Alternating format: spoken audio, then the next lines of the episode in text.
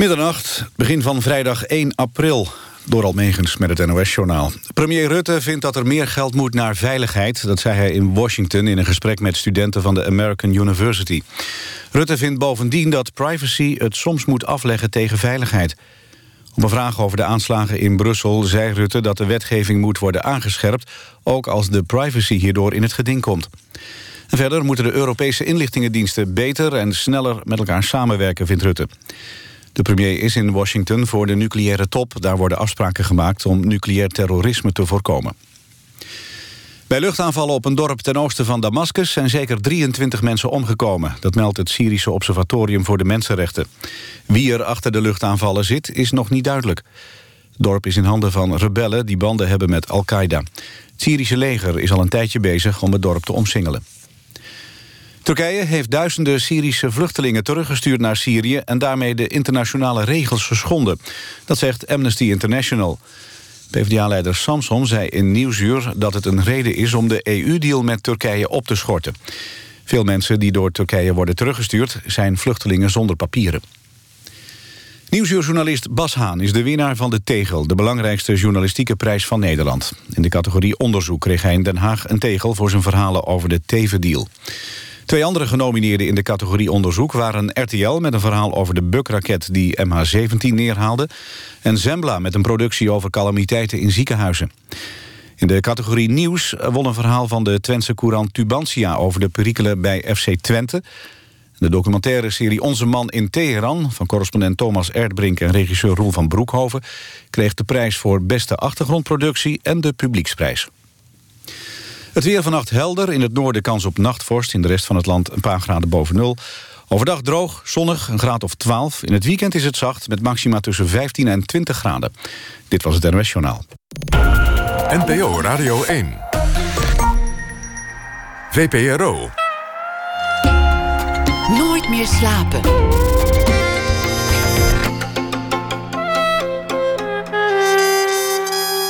Met Esther Naomi Perquin. Goedenacht en welkom bij Nooit meer slapen. Het project Women of Syria vertelt verhalen van vrouwen die in Syrië zijn achtergebleven. Wat beweegt deze vrouwen om hun verhaal te delen met een Nederlands publiek? Na ene spreken wij met twee initiatiefnemers. En schrijver en dichter Ilja Leonard Pfeiffer spreekt zich uit over zijn teleurstelling in de literatuur en de grote beslissing die hij daarom genomen heeft. Even na ene komt hij met een verklaring. Dat allemaal later in de nacht. Dit uur te gast is politicus, diplomaat en professor Jan Pronk.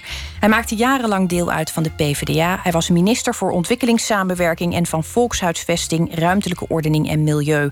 Hij zag van nabij honger, oorlog, vervuiling en vernietiging. Hij publiceerde over onder meer het klimaat, over Europa, cultureel erfgoed, over wat hulp in zou kunnen houden en over verantwoordelijkheden die we te makkelijk opzij vegen. Vanaf 2002 is hij uit de politiek, om het zo te zeggen. Maar kampjes tuinieren is er voorlopig niet bij. Dit weekend is hij spreker op de G10 van de Economie en Filosofie. Een festival dat plaatsvindt op diverse locaties in Amsterdam. En daar zal hij in gesprek gaan over de ontwikkeling van de samenleving in de komende tien jaar. Jan Pronk werd geboren in 1940 en wat er ook nog volgen zal, hij kan alvast terugkijken op een veelzijdig en rijk gevuld leven. En daarin keert één worsteling dikwijls terug. Hoe kun je je principes behouden zonder onbuigzaam te worden? En hoe kun je deelnemen aan een machtsspel zonder jezelf te verloochenen? Misschien door je te blijven herinneren wat geluk is. Jan Pronk, hartelijk welkom. Dank. Goed dat u er bent, uh, zo uh, laat op de dag of vroeg in de nacht. Geluk is eigenlijk helemaal geen woord, bedacht ik me, dat ik associeer met, met, uh, met politiek of met macht. En dat is eigenlijk heel jammer. Ik gebruik het woord ook zelden. Tegenwoordig heb je discussies over wat dan heet bruto nationaal geluk. In plaats van welvaart of welzijn. En ik begrijp dat wel, alleen politiek kan ik niks met het begrip geluk, omdat je geluk moet zien als iets heel erg individueels. En daar spelen talloze factoren een rol in, bijvoorbeeld liefde. Nou, je kunt hoogstens voor mensen, politiek gezien in de samenleving, een omgeving creëren waarin mensen gelukkig zijn, maar je kunt mensen niet gelukkig maken. Dus je kunt basisvoorwaarden creëren. En dat betekent armoede uh, tegengaan, vervuiling tegengaan, het woord wat u noemde. Minder ongelijkheid creëren, discriminatie tegengaan, redelijke huisvesting voor elkaar krijgen. Dat zijn allemaal factoren die geluk beïnvloeden. Maar je kunt mensen niet gelukkig maken. Gelukkig maar, zou ik zeggen, dat dat geen politieke doelstelling is. Kunt u zich het eerste bewuste geluksmoment herinneren? Ja, ik heb er een keer over geschreven. Ik was voor het eerst echt gelukkig, dat ervoer ik als kind... toen ik bij mijn vader achter op de fiets in zomer 1945 reed van Den Haag naar Scheveningen. Daar kwamen wij vandaan, we waren verdreven. En de zon scheen door een bladerdak over de Scheveningse weg. Het was prachtig. En dat was een gelukservaring, ineens, die ik kreeg en die vergat ik niet. En voor mij had dat te maken met het einde van de oorlog. We gingen weer terug. Mijn ouders vertelden, we gingen terug naar het huis in Scheveningen. Daar was ik nooit geweest. Was er geboren, maar kende natuurlijk niet. En we gingen terug. En het had te maken met vrede. Uh, vrede, zon, bomen. En bij je vader achter op de fiets zitten. Dat was een geluksgevoel. En dat ervoer ik als vijfjarige. U bent eigenlijk geboren samen met een oorlog, om het zo te zeggen. En u bent, uh, nou ja, vier, vijf jaar, dan word je je heel bewust. En dat, is, dat valt dan samen met de bevrijding. Het, is eigenlijk een, een, het moet een merkwaardig um, wereldbeeld zijn geweest wat je meekrijgt. Hoe klein je ook bent. Je ziet volwassenen die, die bang zijn. Je ziet... Uh, nou ja, je krijgt iets mee van bombardement, misschien van honger ook, denk ik. Wat, wat, voor, wat voor beeld had u als kind van hoe het leven er dan uitzag? Wat, wat bleef daarvan achter? Wij hebben het natuurlijk niet zo slecht gehad als talloze anderen. We werden verdreven uit Scheveningen, we woonden ergens in Den Haag. En ik wist natuurlijk niet beter. Ik, ik had wel eens honger. Ik, ik heb die ervaring van honger in de hongerwinter ook wel gehad. Maar je wist niet beter, je wist niet dat het anders kon zijn.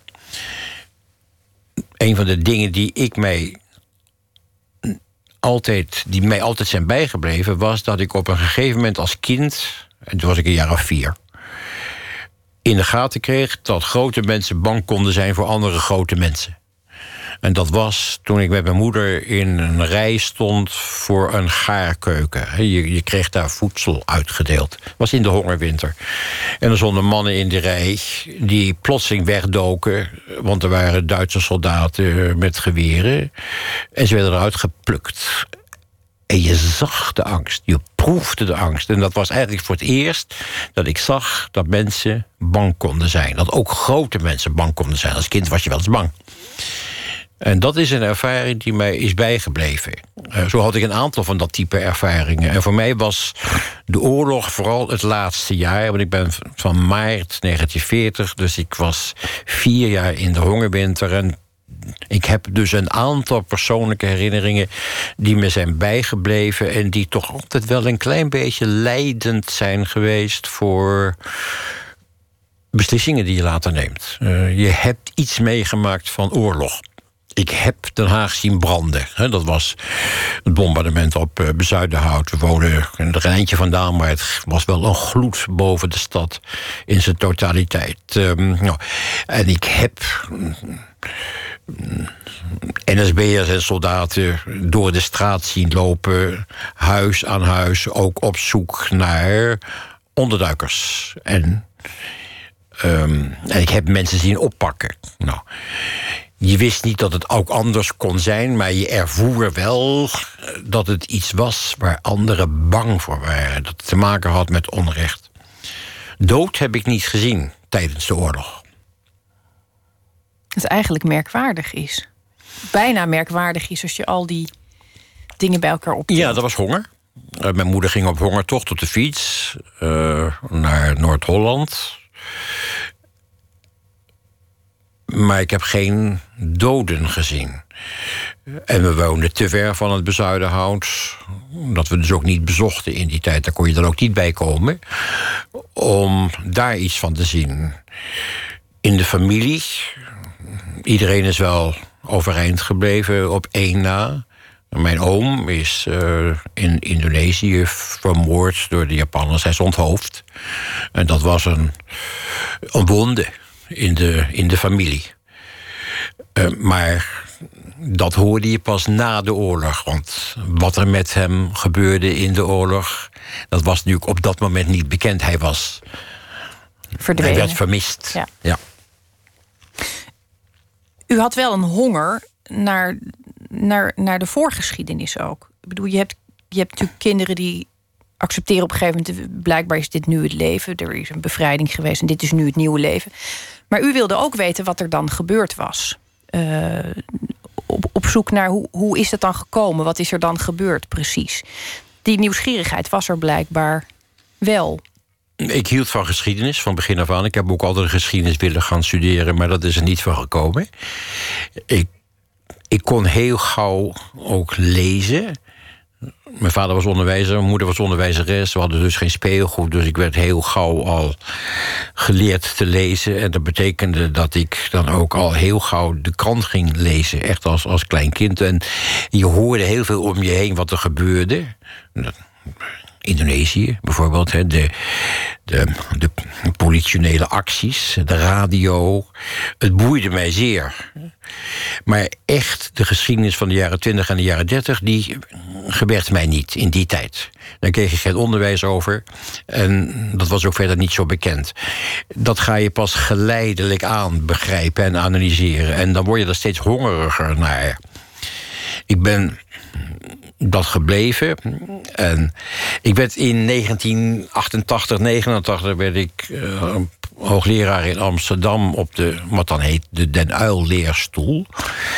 En toen, omdat ik alles wist van de internationale economische en politieke ontwikkelingen vanaf 45, dan kon ik dromen. Maar eigenlijk kende ik die jaren 20 en de jaren 30 niet. En toen heb ik dat hoogleraarschap de colleges die ik ging geven, gebruikt om mezelf heel erg te gaan verdiepen in die voorgeschiedenis. Dus wat was er eigenlijk allemaal precies gebeurd, politiek en ook economisch. Um, uh, rond de Eerste en zeker na de Eerste Wereldoorlog, jaren 20 en de jaren 30. Opdat ik beter begreep hoe de beslissingen en waarom de beslissingen tot stand zijn gekomen na 45 om eigenlijk toch te komen tot een nieuw wereldsysteem. In politiek opzicht, dat was de Verenigde Naties en de Europese Unie, en ook in economisch opzicht. En de dekolonisatie. Dat waren gigantische veranderingen op het wereldtoneel. Dat waren niet alleen maar gebeurtenissen die je dan ervoer, maar je ging dan ook begrijpen wat degenen die daaraan hadden gewerkt, had gedreven. Schrijft in een van uw boeken, en dat hangt hier heel erg mee samen, daarom schiet het me te binnen. Dat de, de ontwikkeling van uw wereldbeeld begon bij een plattegrond van het klaslokaal. Vervolgens kwam er een plattegrond van, de, van het gebouw, van de straat, van de stad. Van het... En u, u schreef, dat vond ik heel mooi, dat u uiteindelijk eindigde met een, met een nou ja, globaal beeld van dit is blijkbaar de wereld. En wat toevallig, ik woon in het centrum van de wereld. Ja. Dat, heeft, dat is een, een misverstand dat ik onmiddellijk herkende. Maar ik wist eerlijk gezegd niet tot ik het daar las dat het zo'n misverstand is. dacht ik, ja, dat is uh, verdomd als het niet waar is. Dat is het beeld waarmee ik ook van school kwam. En eigenlijk iedereen. Um, zeker in het, uh, in het onderwijs wat wij krijgen in het Westen. En daar komt dan later ook die vreemde cartografie bij, waarbij dan inderdaad de wereld ook wordt gezien vanuit Europa als het, als het centrum. En um, je moet echt doordenken om te begrijpen dat dat toch waarde bepaald onderwijs is. Dat die kaart en die aardrijkskunde van binnen naar buiten gaat. En je zou ook op een andere manier kunnen kijken naar je eigen samenleving. Je kunt proberen om te kijken met de ogen van mensen die heel ergens anders wonen, in een ander centrum. En dat ben ik wel gaan leren. Door de decennia heen. In het begin ben je natuurlijk niet zo. In het begin ben je Scheveninger, eh, Nederlander. Europeaan word je dan. En op een gegeven moment ga je echt kijken vanuit Afrika en Azië naar Europa. Maar dat is pas veel later het geval geweest. Ik, in die tijd reisde ik natuurlijk nog niet zo gek veel. Uh, eerste keer dat ik echt naar buitenland ging, was in mijn studententijd en werd ik gelijk reisleider. En dat was gewoon om wat geld te verdienen. Maar dat was niet verder dan Oostenrijk en Italië. En ging eigenlijk pas voor het eerst Europa uit in 1967, toen ik. Uh, eigenlijk door mijn hoogleraar, ik was toen medewerker aan de universiteit, naar Bangkok werd gestuurd om daar colleges te geven. En dan in die tijd dan hobbelde je met een vliegtuig dat acht keer ergens landen voordat je dan je bestemming bereikte, Bangkok. Eigenlijk was dat wel mooi. Want de reis is dan belangrijk. Het is ver weg. Eigenlijk mooier dan zoals het nu is, waarbij alles dichtbij is. En alles vlakbij. Er zijn ook geen verschillen dan meer. Uh, ik ben een voorstander van van het goed kijken naar globalisering. Maar ik vind dat er, en dat zitten heel veel positieve dimensies in, maar het heeft ook vervlakkende en andere negatieve consequenties. Dus reizen was toen ook anders. En als je daar dan bent, dan ben je er ook, dat ervoer ik destijds wel, uh, bewuster. Ik heb toen voor het eerst echt mensen zien sterven op straat. Dat was in India. Ik moest dus colleges geven in Bangkok. En ik ging gelijk met studenten op werkbezoek naar, naar Calcutta. Hoe oud was u toen? Ik was, nou, ik was toen alweer 27 hoor. 27, 28. Uh, maar, maar de ervaring in India... dat ik altijd een schitterende samenleving heb gevonden... Uh, moderne industrialisatie... Uh, planning economische ontwikkeling. Een hele. Ja, een mozaïek van volken en culturen. Het is, een, het is, een, het is een, wereld in zichzelf. Met zeer veel beschaving. En tegelijkertijd keiharde armoede, totale verwaarlozing van de onderklasse, de Dalits. Um, Eigenlijk is dat de wereld in zijn totaliteit. In, die, in, die, in de kosmos India. Nou, dat maakt hier mee. En daardoor zag je ook iets van wereldverhoudingen in zijn totaliteit. En je ziet eigenlijk dat al die wereldverhoudingen in hun totaliteit heel grote tegenstellingen, grote verschillen, zich bijna in iedere samenleving voordoen. En dat het niet alleen maar gaat om verschillen tussen landen. Ik ben ook die Noord-Zuid tegenstelling die in het verleden geografisch werd bepaald, gaan zien als een culturele en een economische en een klassentegenstelling die door alle landen heen snijdt. Ja, u, u, trekt het terecht, denk ik, uh, heel breed. Dat is het ook. Maar tegelijkertijd denk ik, je bent 27, je komt in zo'n samenleving aan. Je loopt over straat en er liggen mensen dood te gaan. Cultuurschok. Je loopt er voorbij. Ja. Wat, wat doe je? Nou, dat was een cultuurschok, echt. Uh, en als je dat voor het eerst meemaakt, dat soort gebeurtenissen, die blijven je altijd bij. Uh, zoals je dus toch een paar van die elementen van de oorlog meedroeg. Het was eigenlijk was een voorrecht dat je dat had mee bewust meegemaakt, zodat je er iets mee kon doen. Zo was het voor mij ook wel een voorrecht. En ik heb een aantal van die voorrechten gehad. Dat ik iets kon proeven. Ik noem dat, wat ik ook college geef aan mijn studenten... je moet ruiken, proeven, voelen, zien. Hè? Hoe anders het is. Je moet er niet alleen maar over lezen. Ga, ruik, proef. Uh, Zie het, hoor het, alles. Gebruik al je zintuigen. Um, anders weet je niet hoe anders het is. Dan blijf je met je eigen westerse insteek. En dan blijf je dus in dat centrum, in dat klaslokaal, hè? zoals je dat dan getekend had. Nee, breek eruit.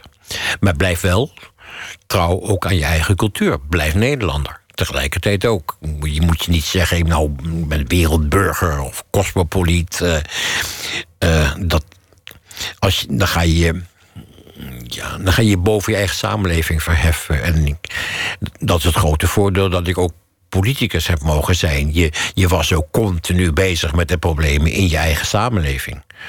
Uh, ik werd voorzitter van de afdeling Krimpen aan de Lek van de Partij van de Arbeid. Kan je je iets kleiners voorstellen? Um, en dat was dus het voetenwerk op straat. Eh, dat was mensen helpen. Uh, met een type van ombuswerk. Uh, dat leerde ik ook van anderen in het dorp. Hoe je mensen kunt helpen bij het invullen van belastingformulieren en dergelijke. Het gewone voetwerk. En dat was ook zo'n ervaring. Je bent niet alleen maar de deskundige die plotseling wordt geroepen tot Kamerlid. Ik was deskundig geworden en bekend in die tijd als deskundige op terrein van ontwikkelingssamenwerking. Nee, je hebt gewoon gewerkt in Krimpen aan de Lek uh, om mensen een beetje te helpen uh, als ze het moeilijk hadden om een weg te vinden in de samenleving. Um, en die combinatie, die zie je overigens in de politiek veel minder dan vroeger. Uh, voor mij was zo'n voorbeeld iemand met wie ik tegelijkertijd in de fractie van de Partij van de Arbeid uh, in de Tweede Kamer terecht kwam, Jan Schaefer. Dat was een, een, een man die de straat kende, die de stad kende. Veel beter dan ik. ik zo hij was krimpen hè, na Scheveningen. En hij kende Amsterdam. Nou, toen werd hij ook staatssecretaris. Hij was dus bezig met volkshuisvesting. Um, maar het, is die combinatie waarbij je met iets groters bezig bent... maar je staat met je beide voeten op de grond. Um, en dat leert je ook om continu verantwoording af te leggen. Je bent niet een of andere technocraat of bureaucraat die boven de samenleving zweeft. Maar je legt verantwoording af. En dat, dat vind ik ook het mooie van politiek bedrijven. Ik ook.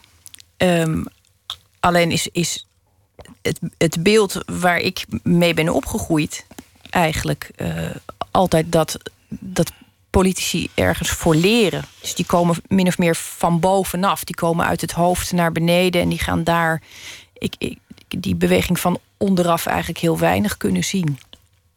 Ja, en dat is tegenwoordig veel meer nog het geval dan vroeger. Vroeger waren er natuurlijk talloze anderen die wel van onderaf kwamen.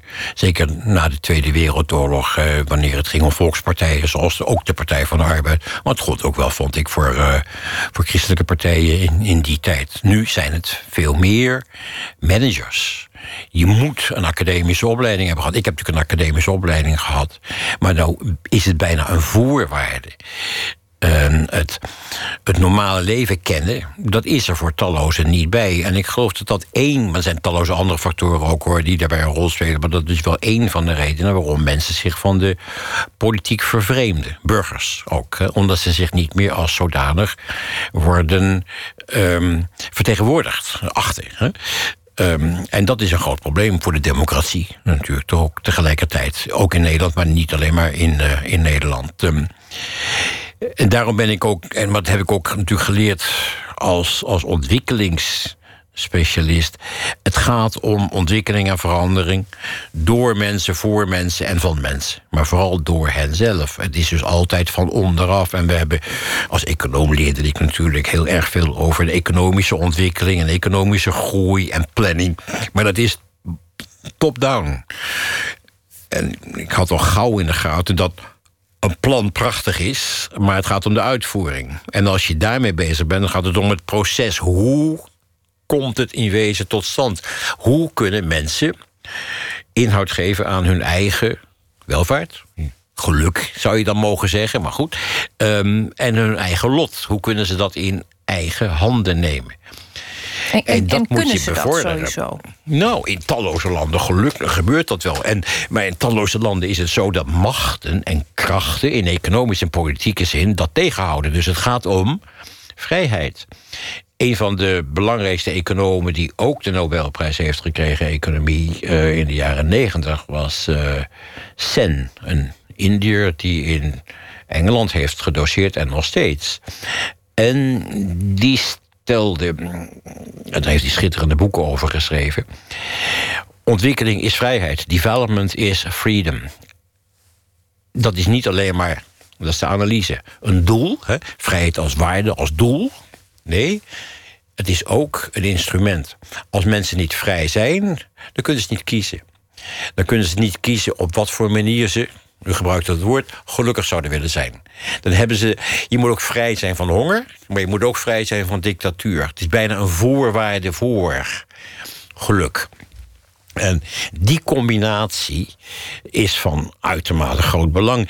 Het is dus ontwikkeling door mensen zelf. De bevrijding en de zelfbevrijding. Het is wat dan heet met jargon. Er is geen behoorlijk Nederlands woord voor empowerment. Het mensen in hun kracht zetten, machtig maken. Nee, het gaat om self-empowerment. Mensen. Maar daar heb je bepaalde instrumenten voor nodig. Je moet voldoende vrij zijn om jezelf ook machtig te kunnen maken. Machtig te kunnen maken om je lot te kunnen bepalen. U kwam met deze, uh, misschien toen nog niet in dezelfde woorden, maar wel met soortgelijke gevoelens van rechtvaardigheid, van, van willen bijdragen aan die vrijheid en, en veiligheid voor veel, voor veel meer mensen. Eigenlijk piepjong kwam u de politiek in. Schrok u zich niet Want het is toch ook een, een groot spel. Het is ook een farce voor een deel. Het is een. Ik, er zijn mensen gillend weggerend en niet geheel onbegrijpelijk. Ja, de, kijk, spel. Politiek gaat uiteraard om waarden en doelstellingen. Maar tegelijkertijd, het is ook leuk. Um, en ik heb, er, ik heb ervan genoten. Het is dus spel. Maar je moet het spel wel eerlijk spelen. Ik heb het ook wel eens vergelijkt met wedstrijden. Je mag ook best willen winnen. Je wilt iets bereiken. En anderen willen dat niet. En dus wordt het onderhandelen. Um, en dat is ook een wedstrijd. kan je een onderhandeling winnen. En dat doe je niet voor jezelf. Ik kan niet goed voor mezelf onderhandelen. Ik ben een hele slechte onderhandelaar. Eh, maar ik kan heel goed onderhandelen voor een zaak. En ik kan ook heel goed onderhandelingen leiden. En dat heb ik dus echt geleerd in die decennia. En dan zie ik dat ook als een, als een wedstrijd. Um, ik zie het ook een klein beetje als theater. Dat mag ook best. Je mag het ook goed uitspreken. Het is je lichaamstaal, het is je overtuiging die je hebt. Uh, en een mooie redenvoering kan ook een zaak bij een overwinning brengen. Um, dus die elementen zijn van belang, die moet je leren. Uh, sommigen kunnen dat niet. Ik heb het gelukkig geleerd. Omdat je vanaf 71 toen ook bij de hand werd genomen door degenen die er al waren in de Tweede Kamer. Uh, dat waren mensen als Den Uyl en Hans van der Doel, heb ik veel van geleerd. Theo van Lier, uh, Anne Vondeling. En je maakt fouten. En ik heb ook fouten gemaakt. Ik heb ook debatten wel verloren. Uh, maar niet te veel. En dan leer je weer van je fouten. Maar dat zijn de fouten in de strategie, in de, in de tactiek. Je mag geen fouten maken wanneer het gaat om waarden en om doelstellingen. Dat is iets anders. We gaan het daar straks uh, uitgebreider over hebben, want dan komen er nog een aantal eikpunten in dat opzicht langs. We gaan nu even luisteren naar muziek. Een uh, jonge Britse singer-songwriter met een uh, eigenlijk hele simpele boodschap: Don't worry about me. I'll feel the fear for you. I'll cry your tears for you. I'll do anything I can to make you comfortable. Even if I fall down when you're not around, don't worry about me. Don't worry about me. Cause if I fall, you fall. And if I rise, we'll rise together. When I smile, smile. And don't worry about me. Don't worry about me.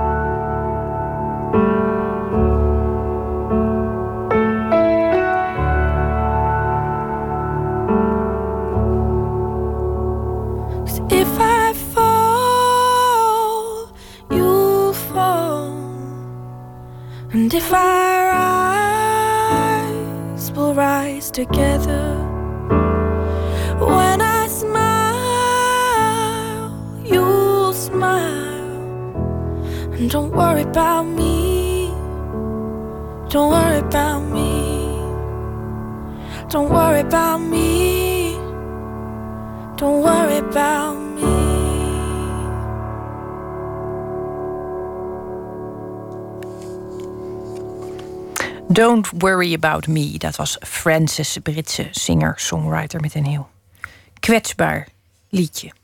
En we hadden het net, eh, Jan Pronk, over hoe dat is als je de politiek inkomt en ziet dat het een spel is en zelfs eh, theater. Nou, was u toch minder geschrokken dan ik had eh, verwacht eigenlijk? U was eigenlijk helemaal niet zo geschrokken. Nee, ik, ehm, ik was een kind in de boosheid. En je keek naar al die mensen natuurlijk op. Want ik was heel jong. Tegenwoordig komen mensen ook jong in de Kamer. Maar toen was het toch wel bijzonder. En dat is wel lang zo geweest hoor. Want ik, kwam dus ook, ik werd ook ineens minister.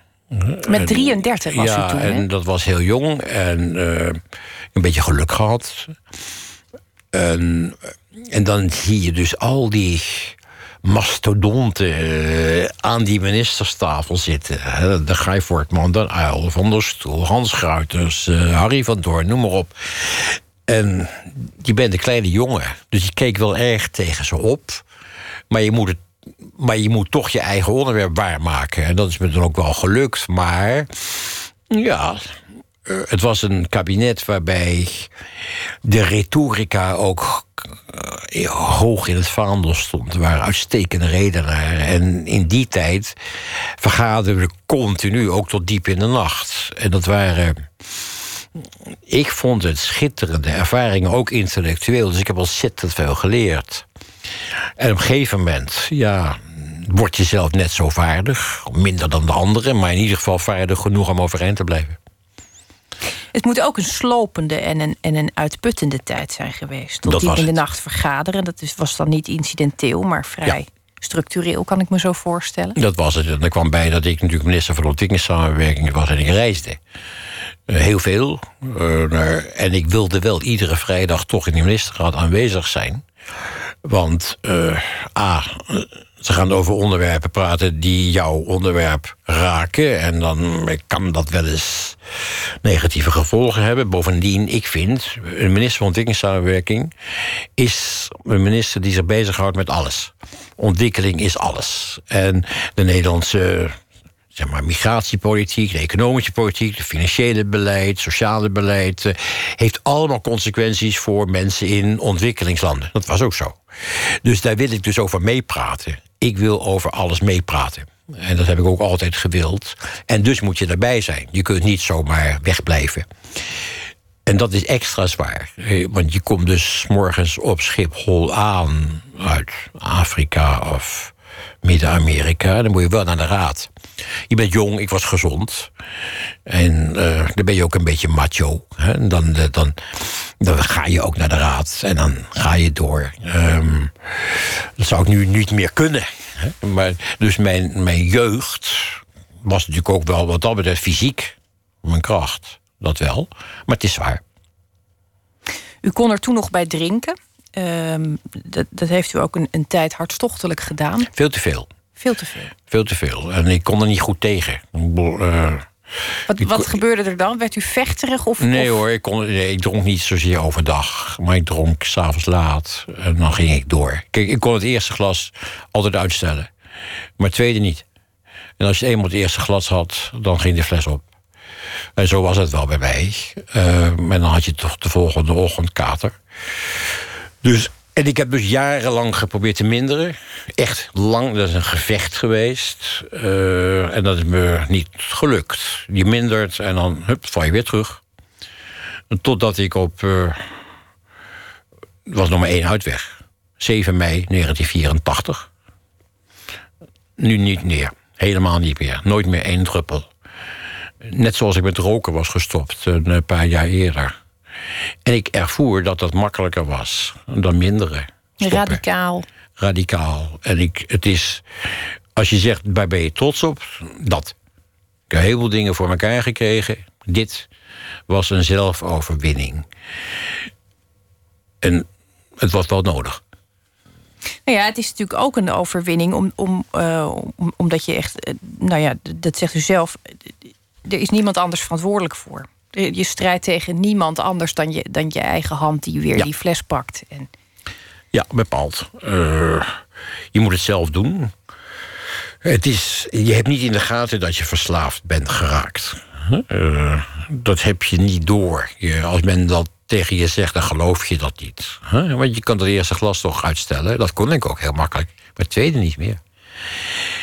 En nou, je moet op een gegeven moment zo'n radicale beslissing nemen. Uh, dat is mij dus wel gelukt. Anderen lukte het niet.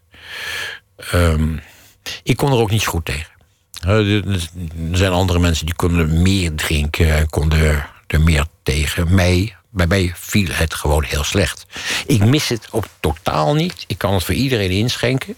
Uh, ik heb er nooit spijt van gehad. Ik ben toen hard gaan lopen. Een vriendje van mij uh, zei: uh, ga hardlopen. En dan ben ik dat met hem gaan doen. En ik heb dat heel lang volgehouden. Veel hard gelopen. Maar het had ook wat anders kunnen zijn. Maar je moet iets zoeken. Nou, ik heb ooit van een huisarts uh, begrepen die als er depressieve patiënten bij hem komen, altijd vraagt: wordt het prozak of hardlopen? Het schijnt echt heel goed te zijn als je een neiging hebt tot zwaarmoedigheid. Dan is hardlopen. Enorm. Ja, ik was niet zwaarmoedig hoor. Ik was juist tegenovergesteld. was namelijk euforisch. Het was ook euforisch drinken. maar hardlopen eh, hielp mij heel erg. Je, je ging je daarop instellen. Je lichaam gaat het op een gegeven moment dan ook nodig krijgen. Dat wordt weer een soort van verslaving. Nou. Um, ik ben geen eh, hardloper met grote races, daar had je ook helemaal geen gelegenheid voor. Maar ik heb over de hele wereld hard gelopen. En ik heb overal mijn eigen tracéetjes uitgezet. En als ik er dan weer kwam, dan ging ik daar weer lopen en dan probeerde ik mijn tijd van de vorige keer te verslaan. Per, en dat schreef je dan ook op. Ja, overal, maar ook in Nederland natuurlijk. En ook in andere Europese landen. En ook in andere landen, Afrika, Azië. En dan probeerde je dat opnieuw. En dan probeerde je harder te lopen dan de vorige keer. En dat schreef ik allemaal op. Ik schreef altijd, altijd alles op. U leest ook altijd alles. Um, zelfs tot uh, groot ongenoegen van verschillende ambtenaren die uh, onder u hebben gediend. Die zeiden: Het is heel vervelend. Die pronk had ook altijd alles gelezen. En toen ik dat hoorde, dacht ik: Dat is blijkbaar niet de norm. Uh, ik kan me voorstellen dat dat voor mensen die, die, die liever zelf de zaken regelen heel vermoeiend moet zijn als iemand steeds overal alles vanaf weet.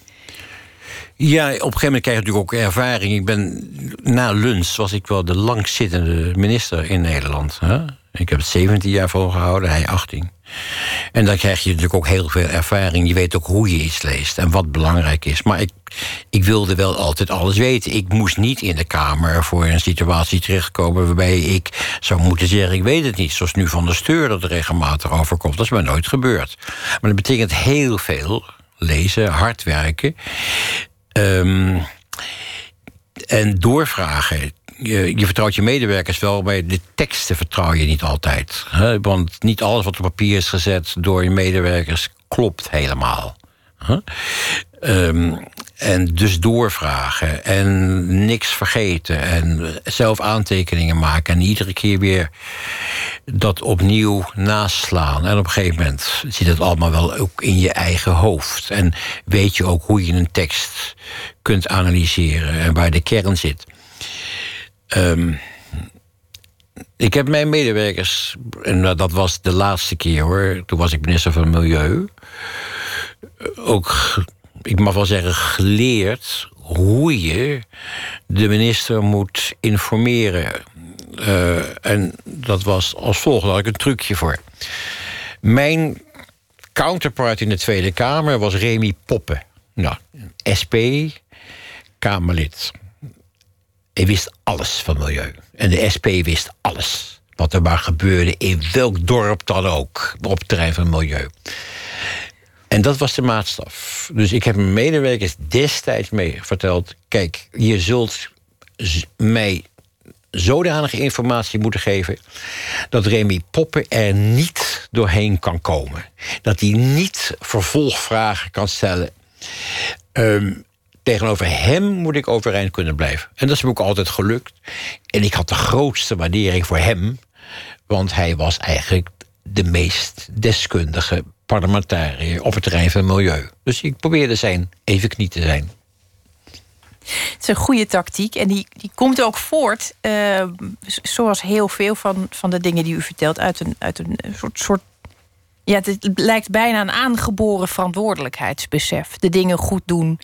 En ook um, zien dat als het fout gaat, dat het, dat het benoemd moet worden. Een, een absoluut eikpunt, eh, weliswaar een, ook een zwarte bladzijde, is de, de val van uh, Srebrenica. U heeft al heel snel gezegd: wij moeten daar verantwoordelijkheid voor nemen. Dat is lastig in een wereld waar uh, verantwoordelijkheid toch ook wordt gezien als iets waar een prijskaartje aan hangt. Het kost wat om sorry te zeggen, of het kost wat om. De angst daarvoor is best heel groot. Ja, dit was natuurlijk de zwartste bladzijde op het terrein van de Nederlandse buitenlandse politiek na 45. Misschien is dat te zwaar om dat zo te zeggen, want we hebben natuurlijk heel veel bladzijden zwart gemaakt in eh, Indonesië. Maar ik was daar dus bij betrokken, bij Srebrenica. Um, ik was er ook geweest. Ik heb ook de, de vluchtelingen zien komen naar Tuzla ze zouden allemaal beschermd worden door Nederlandse militairen op de bussen. En toen ik daar kwam, bleek dat er geen militair op die bussen zat. En je vroeg aan die vrouwen: wat is er gebeurd? En ze zeiden dat ze waren aangehouden. was natuurlijk niet begeleid. Er waren vrouwen uit de bussen geplukt eh, door uh, Servische militairen. En hun mannen werden verdreven en zouden waarschijnlijk gedood worden. Dus het was de, de, grote catastrofe op dat moment. En wij waren daarbij betrokken. We hebben het niet gedaan, maar we waren mede verantwoordelijk. Want we hadden ze niet beschermd. Dat was toch het punt. En dat is iets wat mij tot op de dag van vandaag bijblijft. Ik ben ook ieder jaar aanwezig op de herdenking van de Srebrenica-catastrofe op het plein in Den Haag op de, op de 11 juli. Ehm, daar waren wij voor mede verantwoordelijk. En heel veel Nederlanders hebben dat verdrongen. Ook politici. Uh, wil er niet over praten. Uh, de vrouwen van Srebrenica die vragen kwamen stellen, werden terzijde geschoven. En ik vind dat je als politicus in ieder geval bereid moet zijn om de hand in eigen boezem te steken. Misschien moet je aftreden. Ehm, je moet in ieder geval erkennen dat je mede verantwoordelijk bent. Als je dat niet doet, dan verlies je geloofwaardigheid en verliest het politieke systeem de, de, de, haar geloofwaardigheid. We zijn daar, vind ik, in Nederland niet zo goed in als bijvoorbeeld de Duitsers. Um, ik heb iets geleerd van iemand met wie ik bevriend ben geweest jarenlang. Dat was uh, McNamara, de Amerikaanse minister van Defensie... die natuurlijk mede verantwoordelijk is geweest... voor heel veel slachtoffers in Vietnam. Ik heb hem jarenlang heel goed gekend. We kwamen bij elkaar thuis. En toen hij ophield als... Later had hij internationale functies bij de Wereldbank. Hij was de president. Schreef hij onder meer een boek over Vietnam. En dat heet Met terugwerkende kracht in retrospect. En hij probeerde het niet mooier voor te stellen dan het was. Hij zei: We were wrong, comma, we were totally wrong. En hij bedoelde ik. Ik was verkeerd. Ik heb me totaal vergist. Ik was totaal verkeerd. En die boodschap heeft hij niet gewoon een keertje opgeschreven in een boek. Klaar. Nee, hij is daarmee het land doorgetrokken. Door heel Amerika heen. Hij heeft die boodschap iedere keer weer verteld aan studenten. Daar ging het vooral om. Aan universiteit. Hij is ook natuurlijk naar Vietnam gegaan. En daarmee heeft hij zich uitermate kwetsbaar opgesteld. Um, ik vond dat met alles wat die, waar hij voor verantwoordelijk was geweest in het Amerikaanse politieke systeem. Knap en moedig. En eigenlijk zo hoort het. Je hoort je verantwoordelijkheid te erkennen. En dat was ook een klein beetje het geval, vond ik, uh, in 2002. Toen het NIOD-rapport uitkwam over Srebrenica. En ik ben van mening dat in dat rapport te veel wordt goed gepraat. En mijn stelling is, we hadden toen moeten zeggen, we falen. We hebben gefaald. En uiteindelijk heeft Wim Kok dat ook gelukkig gesteld als premier van ons kabinet. Bij het aftreden van het kabinet. We zijn gevallen.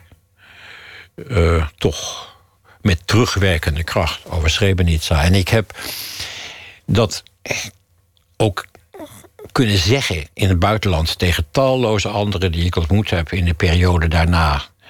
De Nederlandse premier heeft het goede voorbeeld gegeven als staatsman door te zeggen: wij dragen een zekere mate van verantwoordelijkheid voor datgene wat er destijds zich heeft afgespeeld. Dat is net goed gegaan. Het is niet de eerste keer uh, en ook niet de laatste keer geweest dat u, uh, dat u een opvatting had die, uh, die andere mensen liever niet hadden gehoord. Um, in Soudaan bent u geweest als speciaal gezant van de VN, de vredesmissie te leiden. Ook daar gebeurden dingen die, waar, waarvan u dacht: ik moet me hier tegen uitspreken. moord, gruwelijkheden. En vervolgens werd u buitenspel gezet, want daar komt het op neer. Ja, ik werd persona non grata. Ik moest binnen drie dagen het land verlaten. Ik had de leiding van de hele VN-operatie. En dat is heel goed gegaan in het vredesproces tussen Noord en Zuid. Uh, die vrede is gesloten en het land werd onafhankelijk. Maar tegelijkertijd vond die oorlog plaats in Darfur. En dat was genocide. Um, dat mag je wel zeggen. En er werd een soort van vredesovereenkomst getekend door de regering, maar die werd van de eerste seconde af geschonden en men ging door met mensen om te brengen. Dat werden bombardementen op dorpen. Um, nou, ik hoef niet in details te treden. Uh, je bent niet alleen maar de leider van de vredesoperatie op zichzelf. Je staat ook namens de wereldgemeenschap, namens het, zeg maar, het, het handvest voor de rechten van de mens. Je hebt ook die boodschap. En je praat dus met de regering en met de president uh, over de noodzaak dat hij zich houdt aan internationaal recht en ook aan zijn eigen handtekening.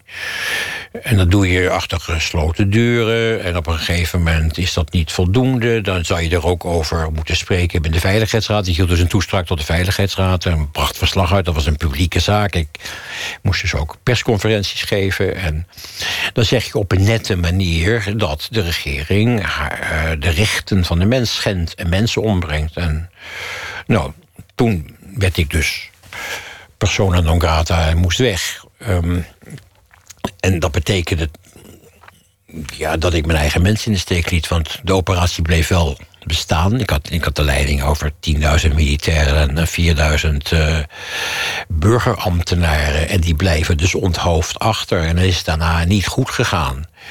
Maar ik, had, ik kon niks anders doen. Uh, en dat is het dilemma waar je, waar je voor staat. Het is een afgrijzelijk dilemma. Want het is buitengewoon je moeilijk. De enige optie is zwijgen. Ja, en dat kan niet. En want dat dan kan niet. Het zwijgen is goedkeuren. En op het moment dat je het uitspreekt, weet je, dan ben je ook je invloed kwijt. Ja, en dan moet je er maar op hopen dat anderen uh, het overnemen. Hè, je opvolger. En dat was een probleem, want er kwam even geen opvolger. En toen er uiteindelijk een opvolger werd benoemd door de nieuwe secretaris-generaal van de VN, Kofi Annan steunde mij, maar ging een maand later zelf weg als secretaris-generaal. kwam een nieuwe. En toen is mijn opvolger benoemd met een instructie. Namelijk, irriteer de regering in Sudan niet. Want het is een lid van de Verenigde Naties. Ja, en dan heb je het dus verloren. Je zult namens de internationale gemeenschap... die gebaseerd is op, op waarden, dat systeem... Hè, en dat is onder meer het handvest van de rechten van de mens... zul je ook regeringen, elites, regimes moeten irriteren. Want ze hebben getekend. Ze zijn lid van dat systeem. Een regime is er voor de mensen. En niet voor zichzelf. En dat geldt overal. En in sommige landen wordt dat beter georganiseerd dan in andere landen. Maar als het in landen dus zo in elkaar zit dat regimes hun eigen mensen ombrengen en van hun vrijheid beroven en verdrijven, dan zal de internationale gemeenschap daar tegen in het geweer moeten komen. En dat moet je op een verstandige manier doen. Dat heeft geen enkele zin om, om te gaan slaan. Uh, maar je kunt diplomatiek, politiek, economisch, cultureel kun je heel veel voor elkaar brengen. Maar zwijgen, zoals dat momenteel natuurlijk heel veel het geval is, op basis van economische belangen, hè, dat is uit den boze. Zoals wij nu bijvoorbeeld vanuit Europa en ook Nederland omgaan met het regime Saoedi-Arabië, dat mensenrechten op grote schaal schendt, dat oorlog voert in Jemen. En daar vallen talloze slachtoffers. En dan zegt de Nederlandse regering dat we handelsbelangen hebben. En we kunnen zoveel exporteren. En ontwikkelingssamenwerking is handelspolitiek geworden. We willen eraan verdienen. En daar worden verhalen over verteld die echt niet kloppen met de werkelijkheid. Um, ja, dan laat je mensen in de steek. En als je dan. Als mensen dan vluchten naar Europa en naar Nederland en dan nog moeten stuiten op een hek als we aansluiten zijn, dan zijn we onze eigen geloofwaardigheid in belangrijke mate op het spel aan zetten. Nederland, Europa. Europa was een soort van baken van recht en vrijheid en democratie. Zo hebben we het gemaakt. Na 45, daarvoor was dat niet het geval. Het was een continent waar continu oorlog werd gevoerd. En die oorlogen werden vanuit Europa geëxporteerd naar andere landen. Nou, dat is geëindigd in 45. En dat is goed gegaan gedurende enige tijd. Maar we zijn nu aan het verlogenen. En dat is een van de grote problemen op dit moment. En er zijn weinig politieke leiders die daarvoor durven uit te komen. Ik ken er maar één. Dat is Angela Merkel. En uh, haar positie is zwakker geworden in Duitsland. En ik had zo gehoopt, ik heb dat ook wel eens gezegd... dat, dat er een paar leiders zouden zijn geweest in andere landen dan Duitsland... die hadden gezegd, we mag dat samen. We doen dat ook, ze heeft gelijk. En dat had Rutte moeten doen, dat had Hollande moeten doen. En dan was haar positie niet zo verzwakt. En dan had Europa meer voor elkaar gekregen... dan dit schandalige akkoord met de Turken. Bent u teleurgesteld? als u terugkijkt? Want u begon heel jong met het idee... De veiligheid, ehm, misschien niet de wereld te redden... maar in ieder geval het einde ervan uh, nou, uit te stellen. Ik heb veel teleurstellingen natuurlijk gehad. Veel dingen die we voor elkaar hebben gekregen... zijn daarna toch weer in elkaar gezakt. De ontwikkelingshulp eh, speelt geen rol meer. En ik wist het voor elkaar te krijgen... dat dat toch een, een, een verplichting werd van 0,7 procent. In andere landen zijn dat nagevolgen. Dat speelt geen rol meer. Ik heb de wereldklimaatonderhandelingen geleid. Er kwam een mooi akkoord uit dat verplichtend was, bindend was, met sancties. Dat is weggeveegd. De euforie van Parijs is, is, is een sprookje. Want geen enkel land is verplicht om de emissies terug te brengen. En al die mooie plannen die zijn afgesproken, als je die bij elkaar optelt, dan is de totale uitkomst een emissie die ons ver boven de 2 graden Celsius zal brengen. En mensen worden dus voor de gek gehouden. Dus ja, ik heb dus nogal wat om te, daarvan te zeggen. Ik ben daarin teleurgesteld. Tegelijkertijd, zo gaat het in de politiek. Het is een soort van cyclus. En anderen moeten het overnemen. Ehm, en ik, tegen mijn studenten zeg ik... we hebben het natuurlijk niet zo goed gedaan, mijn generatie... en neem het alsjeblieft over en doe het beter. Nou, misschien is dat een een dooddoener, maar ik meen het wel. En het is niet alleen maar een, een boodschap die nergens op gebaseerd is. Ik, wat ik momenteel doe is colleges geven overal. En ik blijf jong, omdat ik heel veel contacten heb met jonge mensen. Dus zeg maar twintigers. En ik, ontmerk, ik merk heel veel jonge mensen op aan Nederlandse universiteiten, maar ook buiten Nederland. Want ik geef ook veel colleges buiten het land. Die op een andere manier in het leven staan dan jonge mensen een jaar of twintig geleden. Er is meer nieuwsgierigheid en openheid. Meer bereidheid om niet alleen maar aan de eigen carrière en de eigen portemonnee te denken dan vroeger. Nou, en dat biedt wel een beetje hoop. Dus als je zegt, doe het beter dan wij, dan zou dat best eens in vruchtbare aarde kunnen vallen. Eén ding waar we het niet over gehad hebben, en dat wil ik toch even gezegd hebben, is eigenlijk best bijzonder. Door al die verhalen heen, door al die reizen heen, door al die. Um, u, bent gewoon getrouwd gebleven, hebt zelfs met dezelfde vrouw nogal liefst uh, twee kinderen. Zijn ook groot geworden en die doen het inmiddels heel goed. Zo drie kleinkinderen. Drie kleinkinderen.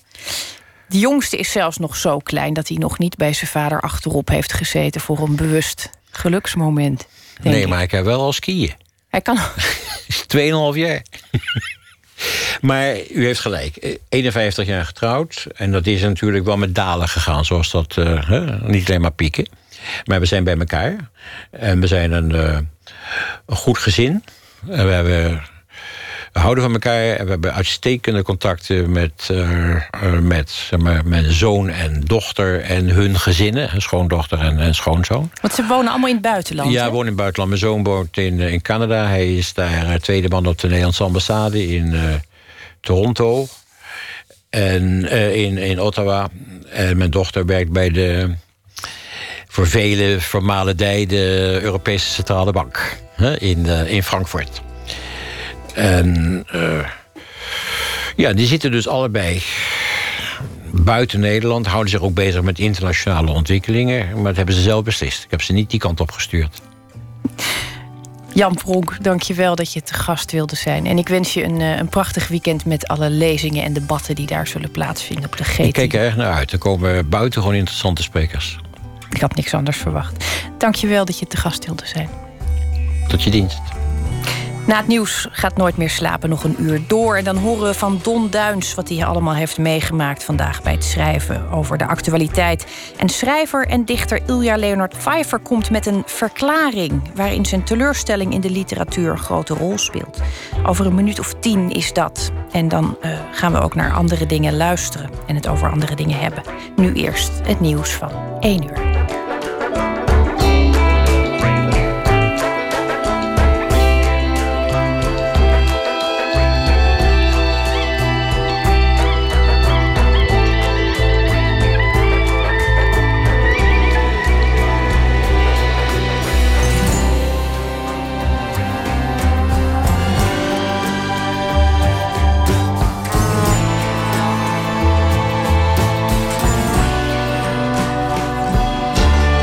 Radio 1.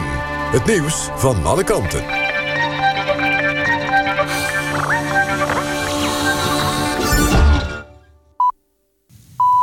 1 uur door Almegens met het NOS-journaal. Premier Rutte vindt dat er meer geld moet naar veiligheid. Dat zei hij in Washington in een gesprek met studenten van de American University. Rutte vindt bovendien dat privacy het soms moet afleggen tegen veiligheid. Verder moeten de Europese inlichtingendiensten beter en sneller samenwerken, vindt Rutte. De premier is in Washington voor de nucleaire top. Daar worden afspraken gemaakt om nucleair terrorisme te voorkomen. De vader van Dasha Graafsma uit Hilversum heeft een documentaire gemaakt... over de laatste uren van zijn dochter. Het meisje kwam in november om het leven... toen ze na een avond stappen werd aangereden door een trein. De politie gaat ervan uit dat ze zelfmoord pleegde... maar de vader vindt dat niet goed is onderzocht... of haar dood een ongeval was onder invloed of een misdrijf. Hij hoopt met de documentaire sluitende antwoorden te krijgen. De video van bijna 50 minuten staat op het YouTube-kanaal... van regionale omroep RTV NH. Onderwijssocioloog Jaap Dronkers is overleden... meldt de Nederlandse Sociologische Vereniging. Dronkers was bekend van de beoordeling van scholen. Voor Dagblad Trouw beoordeelde hij jarenlang scholen... met een cijfer van 1 tot 10. Dronkers maakte de lijst 17 jaar. Twee jaar geleden stopte hij ermee. De afgelopen jaren was hij hoogleraar aan de Maastricht University. Eerder werkte hij onder meer aan de Universiteit van Amsterdam. Jaap Dronkers was 71 jaar. Nieuwsuurjournalist Bas Haan is de winnaar van de Tegel... de belangrijkste journalistieke prijs van Nederland. In de categorie onderzoek kreeg hij in Den Haag een tegel... voor zijn verhalen over de Tevendeal. In de categorie nieuws won een verhaal van de Twentse courant Tubantia... over de perikelen bij FC Twente. De documentaire serie Onze Man in Teheran... van correspondent Thomas Erdbrink en regisseur Roel van Broekhoven... kreeg de prijs voor beste achtergrondproductie en de publieksprijs. Het weer vannacht helder, in het noorden kans op nachtvorst. In de rest van het land een paar graden boven nul. Overdag droog, zonnig, een graad of 12. En in het weekend is het zacht met maxima tussen 15 en 20 graden. Dit was het NWS Journaal. NPO Radio 1. VPRO. Nooit meer slapen.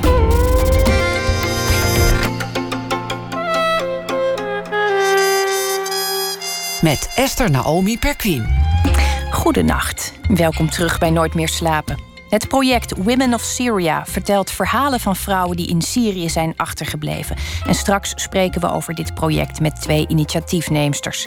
En zangeres Ellen ten Damme komt straks langs, van wie morgen de single Ik geloof niet uitkomt.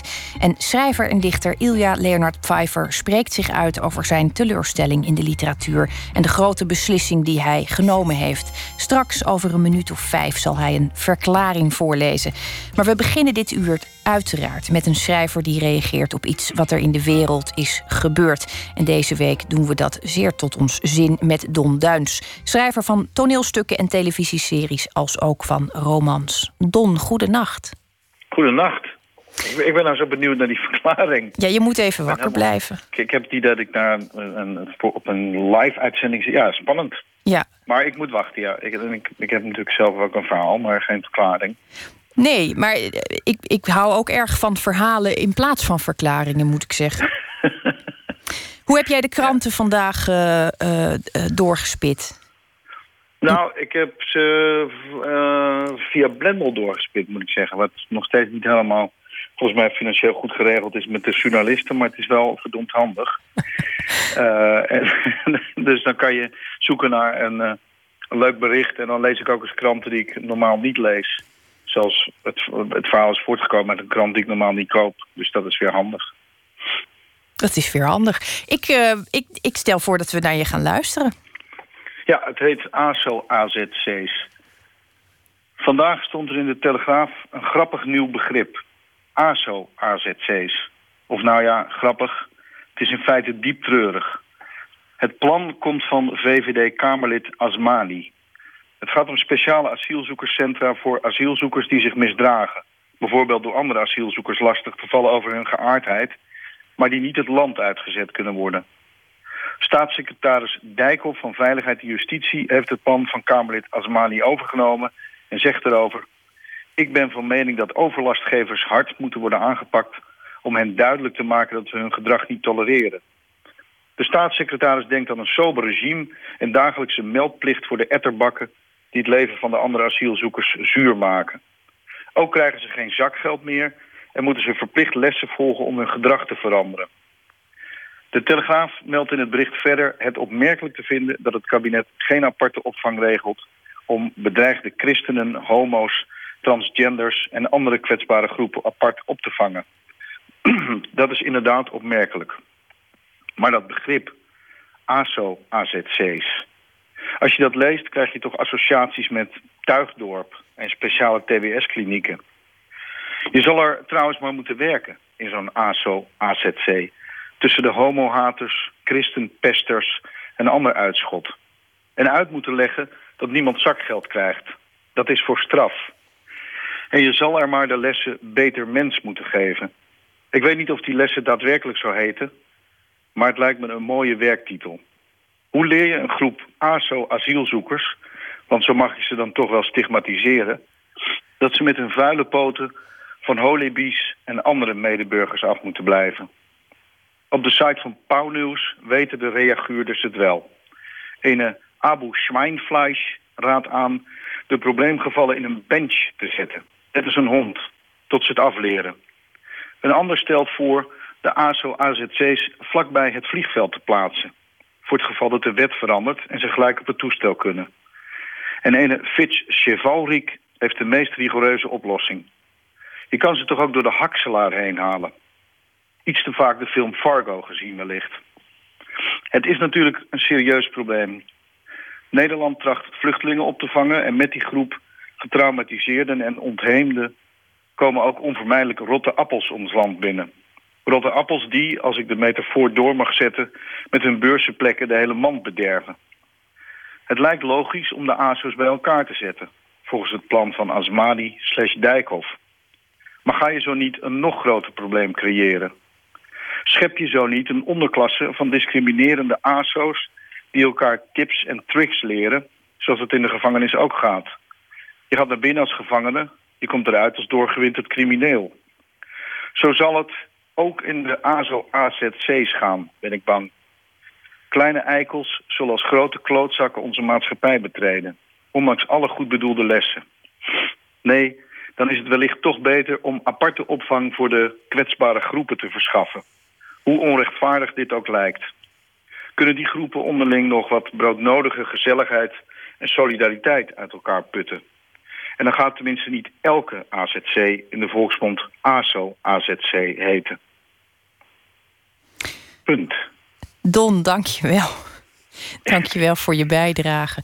Het lijkt mij een, uh, een, een, baan voor mensen die dan ook een soort uh, ASO-straf hebben gekregen. Dat ze dan in het ASO-AZC eh, soep rond moeten delen. Oh mijn god, ja, maar dan, dan krijg je daar dus nog meer uitwisseling van ASO-gedrag. Ja. Van dat soort mensen, die voetbalsupporters die bedelaars over de grond laten kruipen. Maar dat, is niet erg, want dat kunnen we oplossen... door er dan ook een ASO-wijk omheen te bouwen, dacht ja. ik.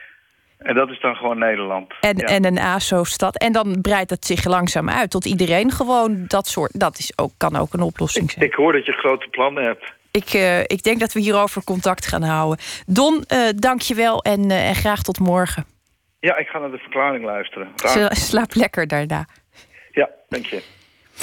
In mei verschijnt Day of the Dead. Dat is een driedubbel album met muziek van de legendarische band The Grateful Dead. En dat wordt gecoverd door zeg maar, iedereen die ertoe doet in de huidige popmuziek. Nou, wij kijken daar rijkhalsend naar uit. En we draaien deze week de nummers die alvast zijn vrijgegeven. Zoals deze versie van Morning Dew, uitgevoerd door de Amerikaanse band The National.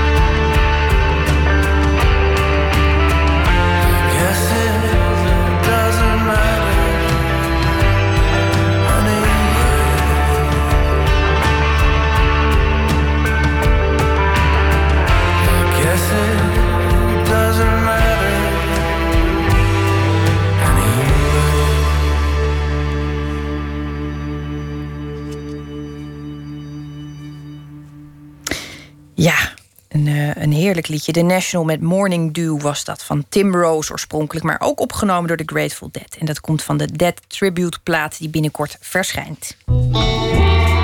Nooit meer slapen.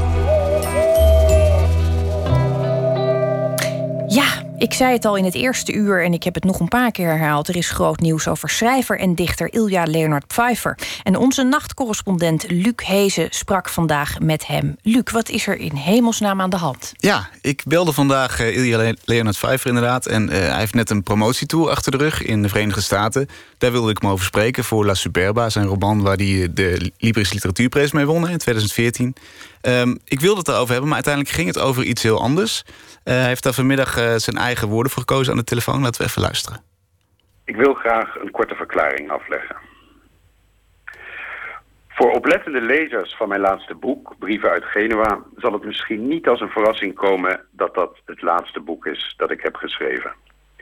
Alles wat ik in dat autobiografische brievenboek zeg is waar en zo is het ook waar dat ik in Stella de liefde van mijn leven heb gevonden... en dat ik niet langer wil leven op papier, maar in het echt, met haar. Ik schrijf aan het slot van het boek dat ik een tatoeage wil nemen van het Italiaanse woord si. En dat die totale bevestiging van het ware leven met inkt op mijn huid het enige is dat ik nog wil schrijven. Die tatoeage heb ik inmiddels laten zetten. Mijn afscheid van de literatuur heeft een positieve en een negatieve reden. De negatieve reden is dat ik er genoeg van heb om mijn talent in te zetten en bloed, zweet en tranen te vergieten om iets te maken waar niemand op zit te wachten. Al jaren heeft niemand mij ooit gevraagd om een nieuw gedicht, een nieuw boek, een nieuwe, niets ontziende roman. Als dat wel zo was, had ik er misschien anders over gedacht. Maar de positieve reden weegt zwaarder. Al die jaren heb ik geschreven aan cafétafels terwijl ik mij door anderen heb laten bedienen. Nu wil ik iets betekenen voor anderen. Het afgelopen jaar heb ik veel voor Stella gekookt. Dat is veel nuttiger dan literatuur. Ik ga kok worden. Ik heb een baantje gevonden als kok in het restaurant Giardini degli Indoratori in Genua. Ik heb net gisteren gehoord dat ik ben aangenomen. Daarmee mag ik inderdaad worden gefeliciteerd. Daarnaast zal ik Stella helpen met haar werk in de kunstgalerie. Ik zal de logistiek op mij nemen en schilderijen die zij heeft verkocht bezorgen bij klanten. Ik zal haar ook helpen met haar onderzoek naar de Italiaanse beeldhouwer Francesco Vanelli en alle bronzen kruisbeelden en madonna's voor haar inventariseren. Het nieuwe leven lacht mij toe en de boeken waar niemand mij om vraagt, zal niemand missen. Ja, Luc, het is ook wel echt des Pfeiffers. Vroeger was het een uh, enfant terrible in de poëzie. Daar mm. schoot hij altijd heel erg in door. Vervolgens werd hij geëngageerd. Nou, daar was hij ook heel extreem in. Vervolgens uh, is hij geslaagd, succesvol. En dan is dat het weer. Het, het is eigenlijk een beweging die hij al heel lang geleden heeft ingezet, denk ik. Ja, nou ja, hij gaat in ieder geval nog de theaterbewerking van Anne Frank doen. Dat, dat is dan vandaag bekend geworden. Maar ja, hij zegt dus daarna is dit mijn laatste klus. Uh, ja, ik, ik, ik hou ermee op. Ik voel me niet gewaardeerd als schrijver. En, nou, misschien zegt dat iets over hoe wij in Nederland met onze schrijvers omgaan. Misschien is het ook wel de afstand. Ik bedoel, hij woont al acht jaar in Genua. Dat is in Noord-Italië, een havenstad. Best ver weg, ongeveer 1200 kilometer. Nou, misschien voelt hij het gewoon niet meer zo. Heeft hij niet meer zo de binding met Nederland. In Genua speelde ook zijn laatste roman, La Superba, zich af. En het is de plek waarvan hij die brieven schreef... Hè, die verzameld zijn in brieven uit Genua. Ja, misschien is hij het kwijt, het gevoel met Nederland... en zegt hij, niemand zit meer te wachten op mijn boeken. Nou ja, ik denk, ik bedoel, zo'n vrouw die langskomt... die helpt je natuurlijk ook van de poëzie af. En dan is die ook nog gestopt met drinken. Ja. Ja, voor die dichterschap is dat natuurlijk sowieso het einde. En als romancier... Uh, ik, ik, uh, ik, ik, begrijp ook dat hij uh, blijkbaar nu dienend wil zijn. Misschien is dat wel een voortzetting van, die, van dat uh, engagement. Ja, wordt um, kok. Hoe heeft zijn, zijn uitgever, zijn redacteur gereageerd? Nou, die is, uh, die is er natuurlijk niet blij mee. Dat kun je je voorstellen. Hij is toch een van de succesvollere schrijvers in Nederland. Ik vroeg uh, uitgever Peter Nijssen van de Arbeiderspers... of dit eigenlijk een verlies is voor literair Nederland. En of dat een verlies is, dat vind ik tenminste. Tja, een groot schrijver die er ineens mee stopt. Hij heeft mij daar natuurlijk ook in gekend en ik betreur het enorm. Ik moet het respecteren, maar ik vind het natuurlijk heel erg jammer. Als je mij nu zou vragen, komt het als een verrassing? Dan zeg ik niet helemaal, want wie, dit, wie zijn laatste boek, Brief uit Genua, heel goed gelezen heeft... die zou misschien dat daarin toch hier en daar wat uh, verwijzingen hebben kunnen vinden. Tja, hij heeft het dus eigenlijk wel op schrift aangekondigd, uh, Luc. Ja, klopt. Ja, als je zijn, zijn uh, laatste bundeling brieven leest... dan sluit hij die eigenlijk af met uh, een boodschap aan, aan Stella. Um, hij zegt, dit is mijn laatste brief. Het enige wat ik hierna nog wil schrijven... zal ik schrijven op mijn huid, in plaats van op papier... dat ik te lang met mijn huid heb verward. En het zal een enkel woord zijn... en het zal het enige woord zijn dat belangrijk is en waar. En het woord zal zijn, zie. Het is wel een Pfeiffer-waardige uh, afsluiting van een carrière. Maar het, het, is toch ook wel weer een groot verlies, denk ik, voor de Nederlandse letteren. Ja, lijkt mij ook. En dat heb ik ook voorgelegd aan zijn uitgever. Wat heb je gedaan om hem binnenboord te houden? En hij zei, nou, dat, ik heb echt mijn best gedaan. Er zijn nog allerlei projecten die ook in zijn hoofd zaten. En inmiddels dus ook in het mijne. Die, uh, die, die, had, die had kunnen waarmaken, maar hij wilde niet meer het uh, ja tegen het leven is een consequent nee tegen de literatuur geworden. Ja, dat vind ik dan toch ook wel weer een mooie uh, symbolische daad. Inderdaad, de grootste daad neemt gewoon het heft in eigen handen. Pech voor ons zou je kunnen zeggen, maar ergens ook wel weer een mooie symbolische daad. Ja, er is blijkbaar een, een, groot einde nodig van een groot schrijverschap. Ilja Leonard Pfeiffer stopt met schrijven. Luc Hezen, dank je wel. Graag gedaan. De Amerikaanse zangeres Michelle David maakte hier in Nederland samen met de heren van Beans en Fatback een studie naar oorspronkelijke en van tierenlantijntjes ontdane gospel. Nou, ik heb daar niet direct een beeld bij, maar ik heb deze week geluisterd en het klinkt ongeveer zo: You're rocking my soul.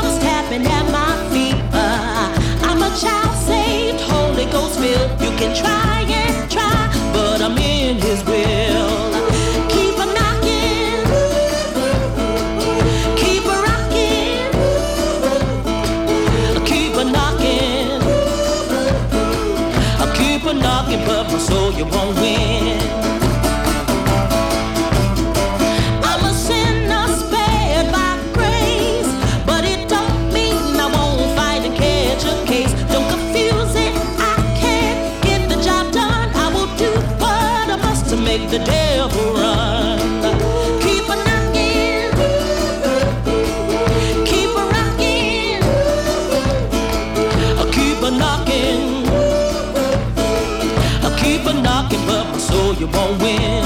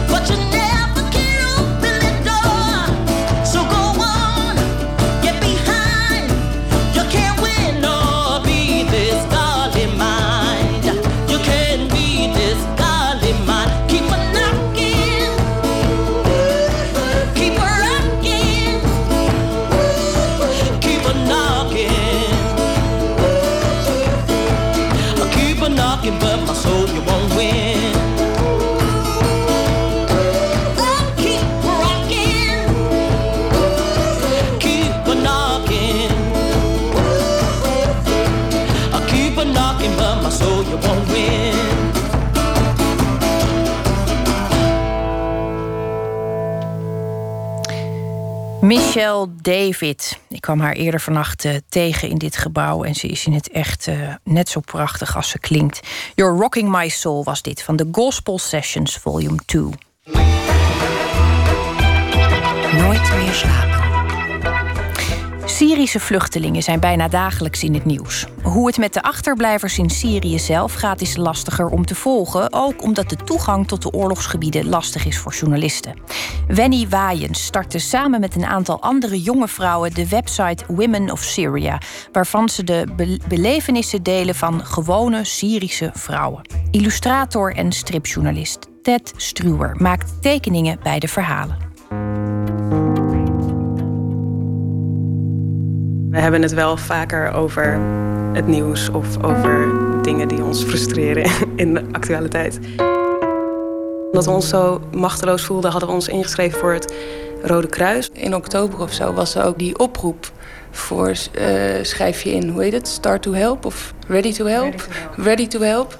Voor vrijwilligers voor het Rode voor Kruis? Vrijwilligers voor het Rode Kruis, omdat ze daar tekort aan hadden. En de dag daarna stond heel groot op de NOS van uh, uh, overkill aan aanmeldingen. Omdat iedereen daar dus op gereageerd had. Het is een beetje jammer was, dus dat we wel al de intentie hadden om iets te doen, maar er kon niks gedaan worden. We werden allebei niet gebeld.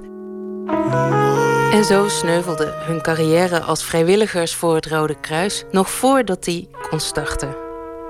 Een tijdje later volgt Waaien samen met een aantal andere vrouwen een masterclass storytelling rondom vrouwenrechten. Ze komen er op het idee een project te starten over het dagelijks leven van gewone vrouwen in Syrië. Het is vooral een onderbelicht aspect, denk ik, in het hele, in al het nieuws wat we horen over het conflict. Het gaat veel over bommen, mannen aan het front. En als het alles over vrouwen gaat, dan gaat het over hoe ze getroffen worden door seksueel geweld en um, mishandeld worden soms. Het gaat helemaal niet over de vrouwen die achterblijven en ja, hun dagelijks leven moeten voortzetten in een totaal veranderde situatie. En dat vonden wij juist wel heel interessant. In die tijd heel erg gebombardeerd met nieuws over vluchtelingen. En wij hebben juist het nieuws over de vrouwen die daar nog zijn, hun verhaal willen vertellen. Het verhaal van Mira. Ik heb een enorme sleutelbos, want de meeste van mijn vrienden hebben Syrië verlaten. Omdat ik als enige ben achtergebleven in de buurt, heb ik sleutels gekregen om op hun huizen te passen en de planten water te geven. Ik heb nooit een soort moeder Teresa willen zijn, maar dit leeglopende land in oorlog heeft me die rol gegeven. Elke dag voel ik me krankzinnig geworden. Als ik de koude, verlaten huizen van mijn vrienden binnenga, kus ik de gordijnen en raak ik de ramen en de muren aan. Ik veeg het stof van de foto's. Vaak betrap ik mezelf erop dat ik met de bloemen en planten praat. Ik vertel ze dat mijn vrienden ze missen en dat ze hebben beloofd snel terug te komen. In de keuken doe ik het fornuis aan. Zomaar, om wat warmte te geven aan het meubilair en wat hoop aan de planten. Nou, de insteek toen we begonnen met het project was dat we ze niet als slachtoffers wilden laten zien. Want die verhalen die krijg je al uh, vaker te horen van vrouwen. Bleek alleen in de praktijk wat lastig te zijn, want het zijn gewoon slachtoffers. En er was geen enkel verhaal leuk. Ze maken allemaal vervelende dingen mee. Maar wat wij belangrijk vonden en wat ons denk ik in de meeste verhalen wel gelukt is, is dat het niet alleen maar over extreme situaties gaat. Er zijn ook wel verhalen van vrouwen die gevangen zijn genomen door IS en mishandeld zijn. Maar uh, het gaat voornamelijk over de veranderde dagelijkse realiteit van die vrouwen. Aan de andere kant, we werden zo overstelpt met uh, juist gruwelijke verhalen... dat het op een gegeven moment ook niet meer vol te houden uh, was. We hadden zoiets van, ja, nee, maar dan ben je misschien zelfs de waarheid een beetje aan het verdraaien. En dat wil je ook weer niet doen. Je wilt het ook wel recht doen. Maar waarom dan die behoefte van jullie om juist dus vrouwen niet niet de slachtofferverhalen te horen. Terwijl jullie nu zeggen van ja, dat is een beetje moeilijk, want het zijn slachtoffers. Maar ook die dagelijkse beslommeringen. Waarom dachten jullie het is goed om juist die verhalen te vertellen? Ik vond het zelf ook gewoon wel interessant om uh, juist die aspecten te horen van die vrouwen. Van hoe gaan ze uh, met moeilijke situaties om? Hoe ja, de, de rode draad daardoor werd ook heel interessant. Van je hoorde nu weer eens dat iemand een list had bedacht of een leugentje vertelde tegen een soldaat bij een checkpoint. Of ehm, eh, in de liefde. Het ging ook best wel vaak over liefde, die verhalen. Hoe de oorlog daar invloed op had gehad. Het verhaal van Falak. Ik heb mijn naam altijd gehaat. Ik vond het een vreemde naam, die mij anders deed voelen dan anderen. Nee, jij en jouw naam zijn een mooie vorm van anders, vertelde een knappe jonge man mij toen we elkaar ontmoetten tijdens een van de eerste demonstraties in 2011. Luidroepend liepen we door de straten van ons dorp. Het was alsof twee mensen met hun geschreeuw alles wat de tijd ze had aangedaan wilden verminken en begraven. Tegelijkertijd gaf het geschreeuw hoop. Hoop op andere, betere tijden. Vanaf die dag keek ik met smacht uit naar iedere volgende demonstratie. Wij kunnen in, in het Westen ons niet zo goed tot die extreme dramaverhalen verhouden. Dus ik denk dat was ook een beetje onze insteek om het toegankelijk te maken. En dat mensen uh, daar wat meer, ja, een beetje empathie creëren en vooral begrip. Dat het wat dichterbij komt en niet zo'n ver van mijn bedshow blijft. Ja, ik vind dat aan de ene kant begrijp ik dat heel erg. Die, die dingen over dagelijkse beslommeringen en, en verliefd worden, dat is dan opeens heel dichtbij. Dus het, het werkt inderdaad. Tegelijkertijd, dat is ook iets om woedend over te worden. Dat wij dus alleen maar een connectie leggen, empathie kunnen voelen als het niet te veel slachtofferschap is en als het een beetje uh, op ons lijkt. Ja, ik denk, uh, ik denk inderdaad dat dat uh, best kwalijk is. Dus ook een beetje de realiteit dan maar omarmen. Precies.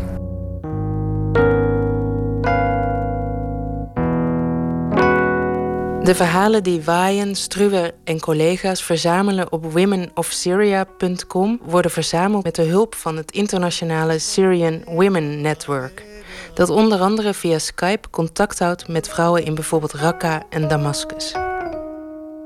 In de eerste instantie was het idee zoiets te doen als Humans of New York. Een succesvol blog met foto's van New Yorkers met een stukje uit hun levensverhaal erbij. Probleem alleen was dat de Syrische vrouwen helemaal niet op de foto wilden. Waaien vroeg haar nicht Ted Struwer, die illustrator is en ervaring heeft met stripjournalistiek, de vrouwen te tekenen. Ik had eigenlijk maar van één vrouw een foto. En dat was ook nog een soort heel onduidelijke selfie. uh, waar ze niet meer echt op leek. Um, en voor de rest moest ik het doen met omschrijvingen die we kregen van de vrouwen die bij dat Syrian Women's Network zijn aangesloten. Uh, en dat waren echt omschrijvingen als. Um, She's got uh, big breasts and is a little bit fat. En uh, nou, voor mij het allerbelangrijkste was om te weten of ze een hoofddoek, droegen of niet. Omdat er heel veel vrouwen van die verhalen best wel vrijgevochten waren. En ik het gewoon gênant zou vinden als ik dan iemand met een hoofddoek zou tekenen, terwijl dat uh, niet zo was. Laia. Ik ben tandarts en plastisch chirurg. Geboren in Deire es-Sour, maar opgegroeid in Raqqa. In juni 2013 arriveerden vreemde mannen met vreemde kleren en baarden in onze stad. Later kwam ik nauwelijks nog buiten en ik hield me precies aan de kledingvoorschriften. Ik hoorde steeds meer verhalen over vrouwen die gearresteerd werden. Meisjes pleegden zelfmoord als ze van hun vaders hoorden dat IS het op hen had gemunt. Het geweld nam toe. Meer mensen werden onthoofd. De afgehakte hoofden hing IS op in een markt en ze dwongen mensen te kijken. En dan stel ik me zo voor dat je achter je bureautje in je Amsterdamse kamer opeens afgehakte hoofden zit te tekenen. Ja, dat was heel akelig, maar die was ik al een paar keer eerder tegengekomen. Gewoon als ik googelde naar uh, Syrische gezichten. Gewoon puur om te kijken hoe Syrische mensen er nou uit, uh, ongeveer uitzien. Uh, dus ik had al heel veel afgehakte hoofden gezien. En daar heb ik ook echt wel nachten niet van kunnen slapen. Maar deze gezichten heb ik eigenlijk meer nagetekend van slapende mensen. En een van de afgehakte hoofden is ook mijn broertje die model heeft gestaan ervoor. Omdat ik het eigenlijk niet meer aankon om die, uh, om die echte afgehakte hoofden te zien.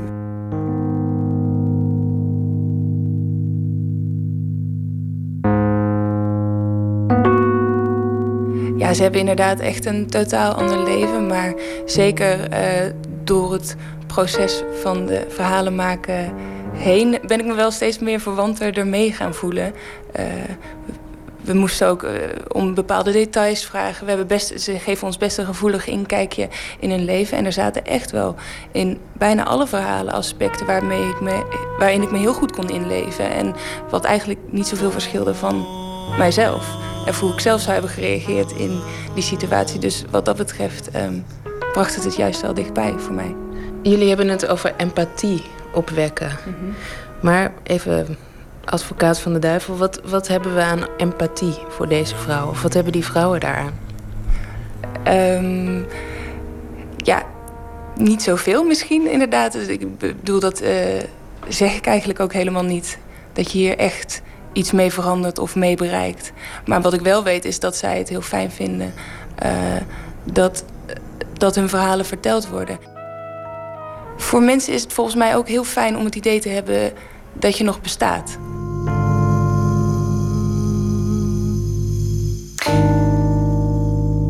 Emmy Colau sprak Wenny Waaiens en Ted Struwer... en hun verhalen en tekeningen zijn te lezen op womenofsyria.com. Op haar album Alles Draait heette het nummer nog Geen Spijt. Maar na haar rol van Maria in The Passion is het uitgebracht onder de titel Ik geloof niet. Ellen ten Damme, straks de gast in Open Kaart, hier met haar nieuwe single. Ik geloof niet dat ik ergens spijt van heb.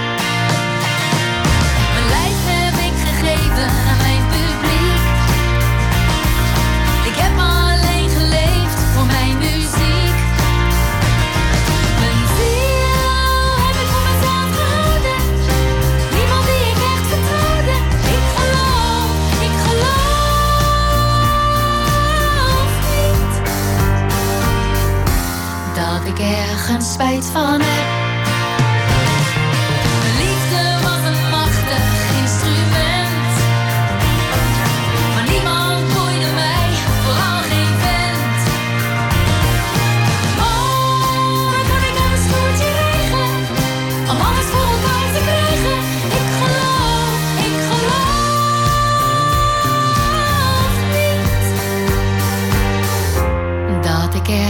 Spijt van heb. Want ik ben zonder schroom op elk gebied. De tijd die ik geniet staat onder stroom. De showtop is mijn droom. Ik adem niet. Ik droom mijn leven niet. Ik droom mijn leven niet, maar leef mijn droom. Ik geloof niet dat ik ergens spijt van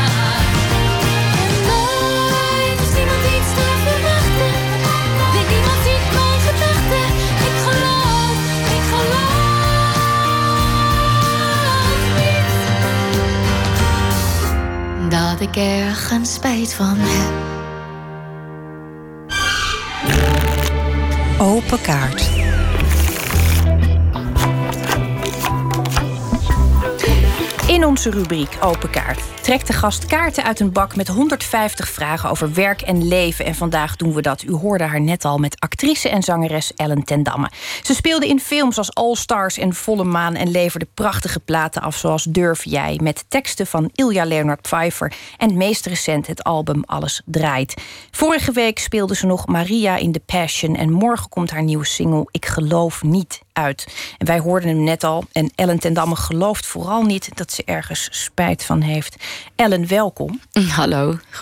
Het lijkt me een zegen als je nergens spijt van hebt. Ehm, ja, we, we hadden het er net al even over. Ilja Leonard Pfeiffer kwam langs. Die heeft wel van dingen spijt blijkbaar. Die heeft een hele radicale beslissing genomen. Ehm, wat wat vond jij van het nieuws? dat hij ge- gestopt is en gaat koken. Nou, het verbaast me helemaal niks. Ehm, ik zou ook het liefst met pensioen gaan. Eh, dat zou ik eigenlijk dit jaar gaan doen ook, maar het is een beetje mislukt. Ehm, en ik denk dat hij een liefde heeft gevonden. En dan heb je natuurlijk ook minder inspiratie. En het gevoel van een kunstenaar is altijd dat niemand op je zit te wachten. En waar, waar doe je het eigenlijk voor? dus ik snap dat heel goed, eigenlijk. Maar ik zou het wel jammer vinden dat er dan niet toch nog, nog een cd zou komen. Nou ja, we blijven hopen. Misschien krijg jij hem zover uiteindelijk om weer eh, terug te keren naar zijn, eh, naar zijn vak. Ehm, jouw nieuwe single, eh, je, zingt zelf, ik geloof niet dat ik ergens spijt van heb. Zijn er, zijn er dingen in je leven die je achteraf misschien heel anders had willen doen? Toch? Nee, het is precies zoals ik zeg. Maar er klinkt inderdaad twijfel in door. Want je weet nooit hoe het anders zou zijn geweest. Ehm, dus ik geloof inderdaad dat ik nergens spijt van heb. Want anders was ik hier niet geweest. Eh, bijvoorbeeld in dit radioprogramma en met een, eh, met een nieuwe cd. Een eh, leuke optreden. Dus ik mag toch niet klagen, vind ik. Nee. Nee, niet. Die Nee. indruk had ik ook niet. Dat je mocht klagen. Nee, dus ik heb inderdaad, ik geloof niet dat ik ergens spijt van heb. Het is wel zo natuurlijk, wat je, wat je zelf al zegt... dat iedere, iedere weg die je neemt, dan, dan zijn er zijwegen... die je niet bent ingeslagen. Het, het droom je wel eens van die parallele levens... die, die naast je hebben ge- die er zijn geweest, die je niet hebt genomen?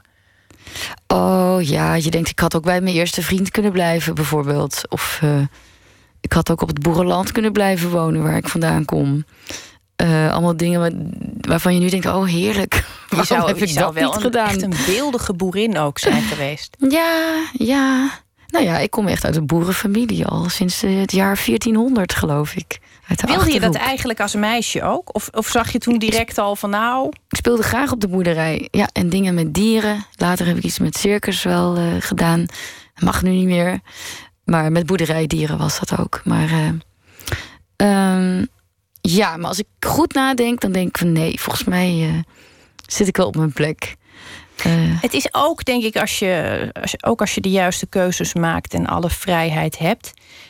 Die vrijheid kan ook best eenzaam zijn. Op het moment dat je, dat je zelf je leven in handen neemt en dat zelf vormgeeft, je bent ook de enige die je erop af kan rekenen. Er is geen vangnet, er is niemand die je vangt als het fout gaat. mm, dat, is, dat is altijd zo in het leven. Volgens mij moet iedereen het zelf doen. Je zegt maar het waar. bijna als een vrolijke conclusie. Ja, het is allemaal je eigen schuld. Je wil, men, heeft de neiging om altijd naar anderen te wijzen. En, eh, eh, of de schuld aan de ouders te geven. Of iemand van je werk. Of financiële mogelijkheden. Ehm, ik denk dat een groot deel aan jezelf ligt. In ieder geval de manier hoe je ermee omgaat. En of je daar tevreden mee bent. Dat is natuurlijk uiteindelijk altijd het hele eieren eten. Ehm, het maakt eigenlijk niet uit wat je doet. Als je daar maar eh, het goede van inziet of zo. Ehm, en was er maar een, eh, hè, een Jezus of een. Ik, ik geloof er niet helemaal in. eh, die precies weet wat jij moet doen. Uiteindelijk moet je dat ook nog toch zelf bedenken. En dan kan God goedkeurend knikken of afkeurend maar zijn. Maar hè, ja. Ja, God is bijna nu een like op Facebook. Een duimpje omhoog of een, of een duimpje naar beneden. Nou, als je ziet eh, wat er allemaal in de wereld gebeurt, dan denk ik toch duimpje naar beneden hoor. Jeetje. Ja. Jij speelde eh, Maria. Dat is een, dat is een eh, gigantisch spektakelstuk natuurlijk. Nou, laat ik beginnen bij je rol. Wat, vond je het een fijne rol? Vind je het een, kun je er wat mee?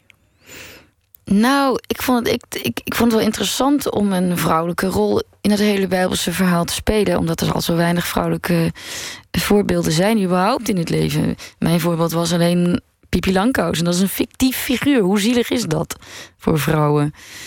En zij kreeg ook maar toevallig die opdracht ingefluisterd door God. Dat is natuurlijk een bijzondere opdracht, maar in feite is zij gewoon een moeder. Niets eh, daartegen, want een zorgzame moeder, dat is natuurlijk het fijnste wat er is om te hebben. Ehm, ehm, zij maakt iets verschrikkelijks mee. Haar zoon gaat dood. Maar dat hele maagdelijke, dat gedoe over maagden, nou, ik kan het echt niet horen. Ik vind het allemaal zo stom. Houd toch op. Ja, dat komt natuurlijk uit vroeger tijden. Hè, dat was natuurlijk vroeger een groot probleem. eh, Als je eenmaal eh, Je kan er ziektes van oplopen, je kan er zwanger van raken. Het was natuurlijk geweldig als je zwanger kon worden zonder dat ze. dat Zonder dat er vieze- iemand aan je had vieze, gezeten. gedoe te doen. Ja, maar ik, dat vind ik echt. eh, ja, ik denk eigenlijk, ze was vast vreemd gegaan met een Romeinse soldaat of zo, denk ik dan. Dat mag dan niemand weten. Dus is ze maagd of weet ik veel. Er wordt een mooi verhaal van gemaakt. Dat denk ik dan stiekem. Maar ehm, nee. vind Dus het eigenlijk een hele ik ik heb eh, theorie. Ja, en ik, dus ik heb er een beetje eh, proberen in te verdiepen. Maar er is heel weinig over haar bekend, helaas. Helaas. Het is eigenlijk een hele gezichtsloze figuur gebleven. Maar niettemin, eh, veel, ze biedt veel troost voor andere mensen natuurlijk. Die ook ellende meemaken. Of, ik, bedoel, ik, ik vind het wel mooi dat mensen daar... eh, ja. Het is de vrouwelijke versie van God eigenlijk. Zeker voor de katholieken. ja, dat is het wel geworden door een of andere paus... die dat in 18, eh, weet, weet ik veel, 56 verklaarde dat dat zo moest zijn. En je kunt wel heel devoot kijken. Doe eens. Ja, ja ik ik ben direct overtuigd. Ehm, laten we eens kijken eh, eh, ehm, wat er gebeurt eh, als we de kaartenbak openen. Ik zet hem naar jou toe en je mag blindelings je gang gaan. Nooit meer slapen staat erop. Ik pak één uit het midden. Wat staat erop? Kan je leven van. Er staat iets heel geks. Van je wat je doet. Ik denk kan je leven van je wat je doet? Ik vind het een hele mooie vraag. Kun je leven van wat je doet? Nou, dat is in nou, jouw ik leef, geval... dus eh, eh, ik denk het wel. Ik, eh, of bedoel dus daarmee zo van levert het wat op?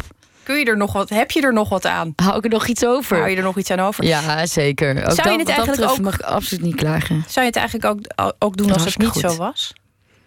Zou je zingen Ik heb het als je... altijd gedaan. Ik heb, eh, wel met, ben op mijn tiende begonnen met een eh bandje met zogenaamde Engelse teksten. Want dat sprak ik toen nog helemaal niet. Wat verzamelde ik dan? Ehm, we are drinking seven up, rock and roll on my pick-up. Ehm, under the waterfall, dance a rock and roll. Oeh. Oh, toen vroeg ik trouwens ook al een kwartje, volgens mij, entree. aan familie en vrienden. Dus zelfs toen eh, ja, haalde ik daar een zakgeld, zakgeld eh, mee op. Eh, dat is altijd zo doorgegaan. Op de middelbare school had ik een band. Na de middelbare school, tijdens mijn studie Nederlands, had ik een band. Daarna zat ik op de Kleinkunstacademie, deed ik inzingen in studio's. Voor, voor heel weinig, weet ik veel, 25 gulden voor, voor, voor eh, een hele dag eh, tien nummers inzingen of zo. Ik heb altijd dat soort jobjes gehad vroeger. En, ehm, en het is. eh, nu wordt het steeds meer en meer en meer. Ik bedoel, het wordt steeds professioneler en groter. En de zalen worden groter. En neemt, brengt ook meer kosten met zich mee. Ja, dan kom ik weer met een groot orkest. Of dan doe ik weer een kerstshow in de Lamar. En dan wil ik toch weer sneeuw en een kerstman en een haard die opkomt rijden. En dansers en acrobaten en dingen. Ehm, eigenlijk pas je je ook aan aan je eh, wat er binnenkomt eigenlijk. Dus je gaat ook meer uitgeven. Dus wat er overblijft is. eh, Wat vind je het ja, allerlekkerste om te kopen? Eigenlijk. Heb jij, heb jij bijvoorbeeld, ben jij zo'n zo'n echte vrouw met 30 paar schoenen? Of ben je dan iemand die Nou, op dit, ik heel erg van meubels houdt? niks meer. Helemaal niks. Ik, eh, ik heb wel, want ik heb heel veel spullen. Vroeger verzamelde ik trouwens Maria-beelden en allemaal snuisterijen, zeg Echt maar, waar? rariteiten. Zo eh, opgezette vogels of gewoon gekke een rode dingen. draad ontstaan met, Ja, met ik ook jouw eh. Maria-beelden. Ja. Ehm, ja, de eerste film was een gezongen film. En daar heette, die heette De Tranen van Maria Machita. Maar goed, ik verzamelde vroeger gekke dingen. Ehm, nu ben ik daar helemaal vanaf. Ik denk van weg met al die troep. Ik heb ook een leuk huisdier die alles vernielt. Dus dat, dat ruimt ook lekker op. Dat is een extra.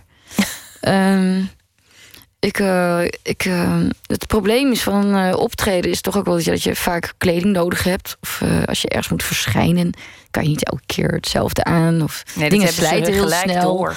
Zeker, ja, met optredens gaat ook alles kapot. Ehm, dus wat dat betreft heb ik daar wel dingen voor nodig. Maar ik koop bijna niks meer, want ik leen het liever. dan dat er nog meer bij komt. Ja. Zullen we eens kijken of er nog een vraag is zonder eh, spelfouten? Trek er nog één.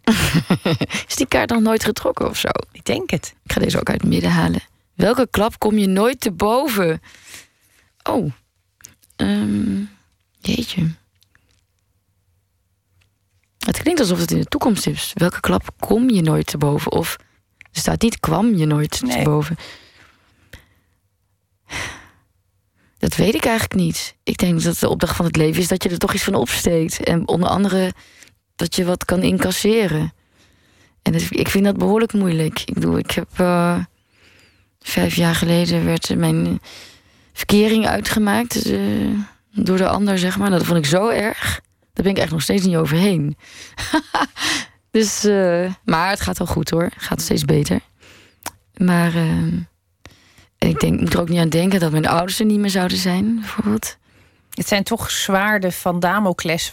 Dat, dat is zodra je van iemand houdt natuurlijk altijd. Ja. ja, dat je die zou moeten missen, dat is moeilijk. Ja.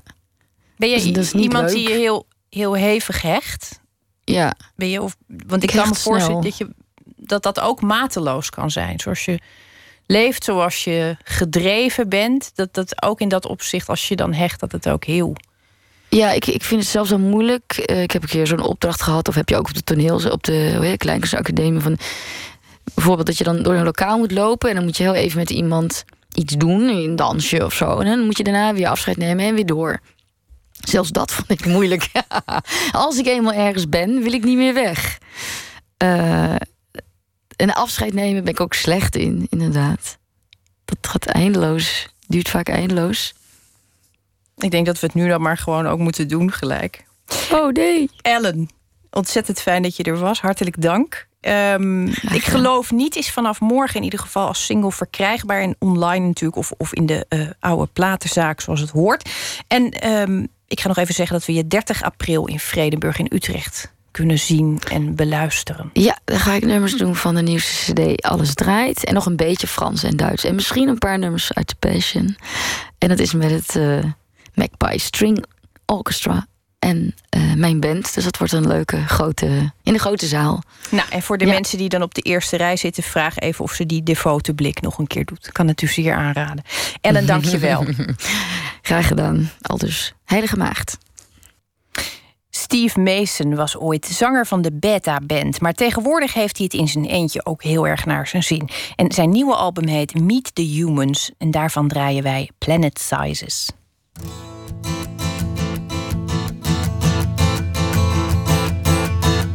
missed out once too often. I missed out and tried again. I never really knew before me. I never really tried again. But I find, but I find this time I'm going back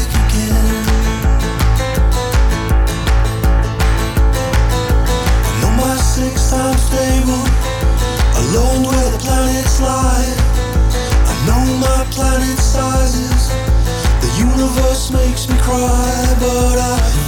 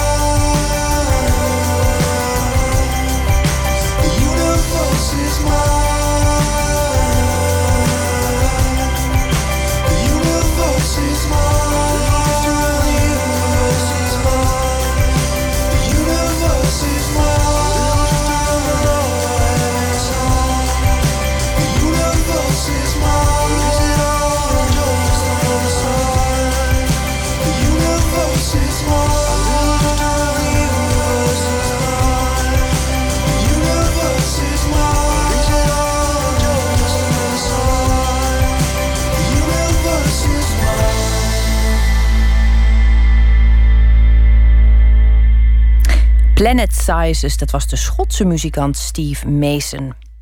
En ook deze week sluiten wij iedere nacht af met een gedicht. Een keuze dit keer van dichter, essayist en filosoof Maarten Doorman. In 1985 debuteerde hij als dichter met de bundel Weg en Wegen. Zijn zevende en meest recente bundel verscheen in 2013 en heet Je kunt bellen. Naast poëzie publiceerde hij ook veel non-fictieboeken. En eerder deze week las hij voor uit werk van Bert Schierbeek, Leo Vrooman en Pieter Nicolaas van Eyck.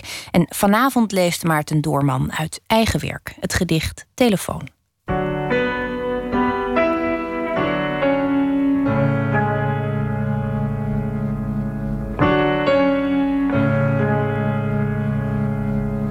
Ik ga een gedicht voorlezen uit mijn laatste poëziebundel Je kunt bellen.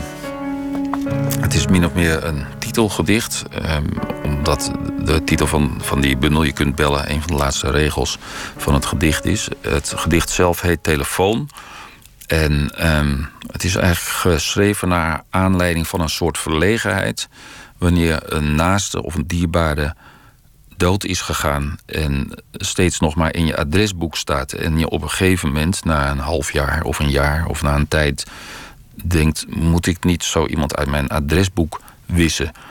En dan bekruip je een enorme schroom, omdat je denkt: eh, ja, maar zo iemand is al dood. Die moet ik dan niet, ik moet niet ook nog de nagedachtenis om zeep helpen. Zoiets. Nou ja, die, die wat lastige gedachte was aanleiding voor dit gedicht. Iemand is voor je het weet niet uit je telefoon gewist. Iemand belt niet meer. Iemand wordt niet meer gebeld. Zijn voicemail raakt vol, zijn batterij raakt leeg. Er komt een zilt moment dat het geen zin meer heeft hem langer bij je contact te bewaren dan je deed. Er zijn andere manieren om je iemand te herinneren dan om hem op je lijst te laten staan waar hij toch niet belt, nog gebeld kan. Iemand is een verre stem in een doos niet meer, een sterke hand niet meer, of een te strak gestrikte schoen, een doorgestikt overhemd. Iemand is een niet verwijderde gemiste oproep nog misschien, een ingeslikt signaal dat trilt van een bericht. Iemand is zo te zien, zo uit je telefoon. Je kunt bellen wat je wilt of me nog meer vertellen. U hoorde Maarten Doorman met het gedicht Telefoon. Tot slot nog iets over morgen. Dan komt acteur Ilko Smits langs. Sinds 2005 is hij verbonden aan toneelgroep Amsterdam. En hij speelt de hoofdrol in de voorstelling Lilium. En dat is een stuk waarin een draaimolen figureert... maar ook pijn en liefde en de hel. Verder spreken we met fotografe Ujana Orlova... die een korte film maakte over de asielprocedure die zij hier doorliep. En schrijver en autojournalist Bas van Putten komt langs... om te praten over geluk is een auto. Dat onder meer morgen. Wie weet, tot dan. Ik wens u voor nu een mooie nacht.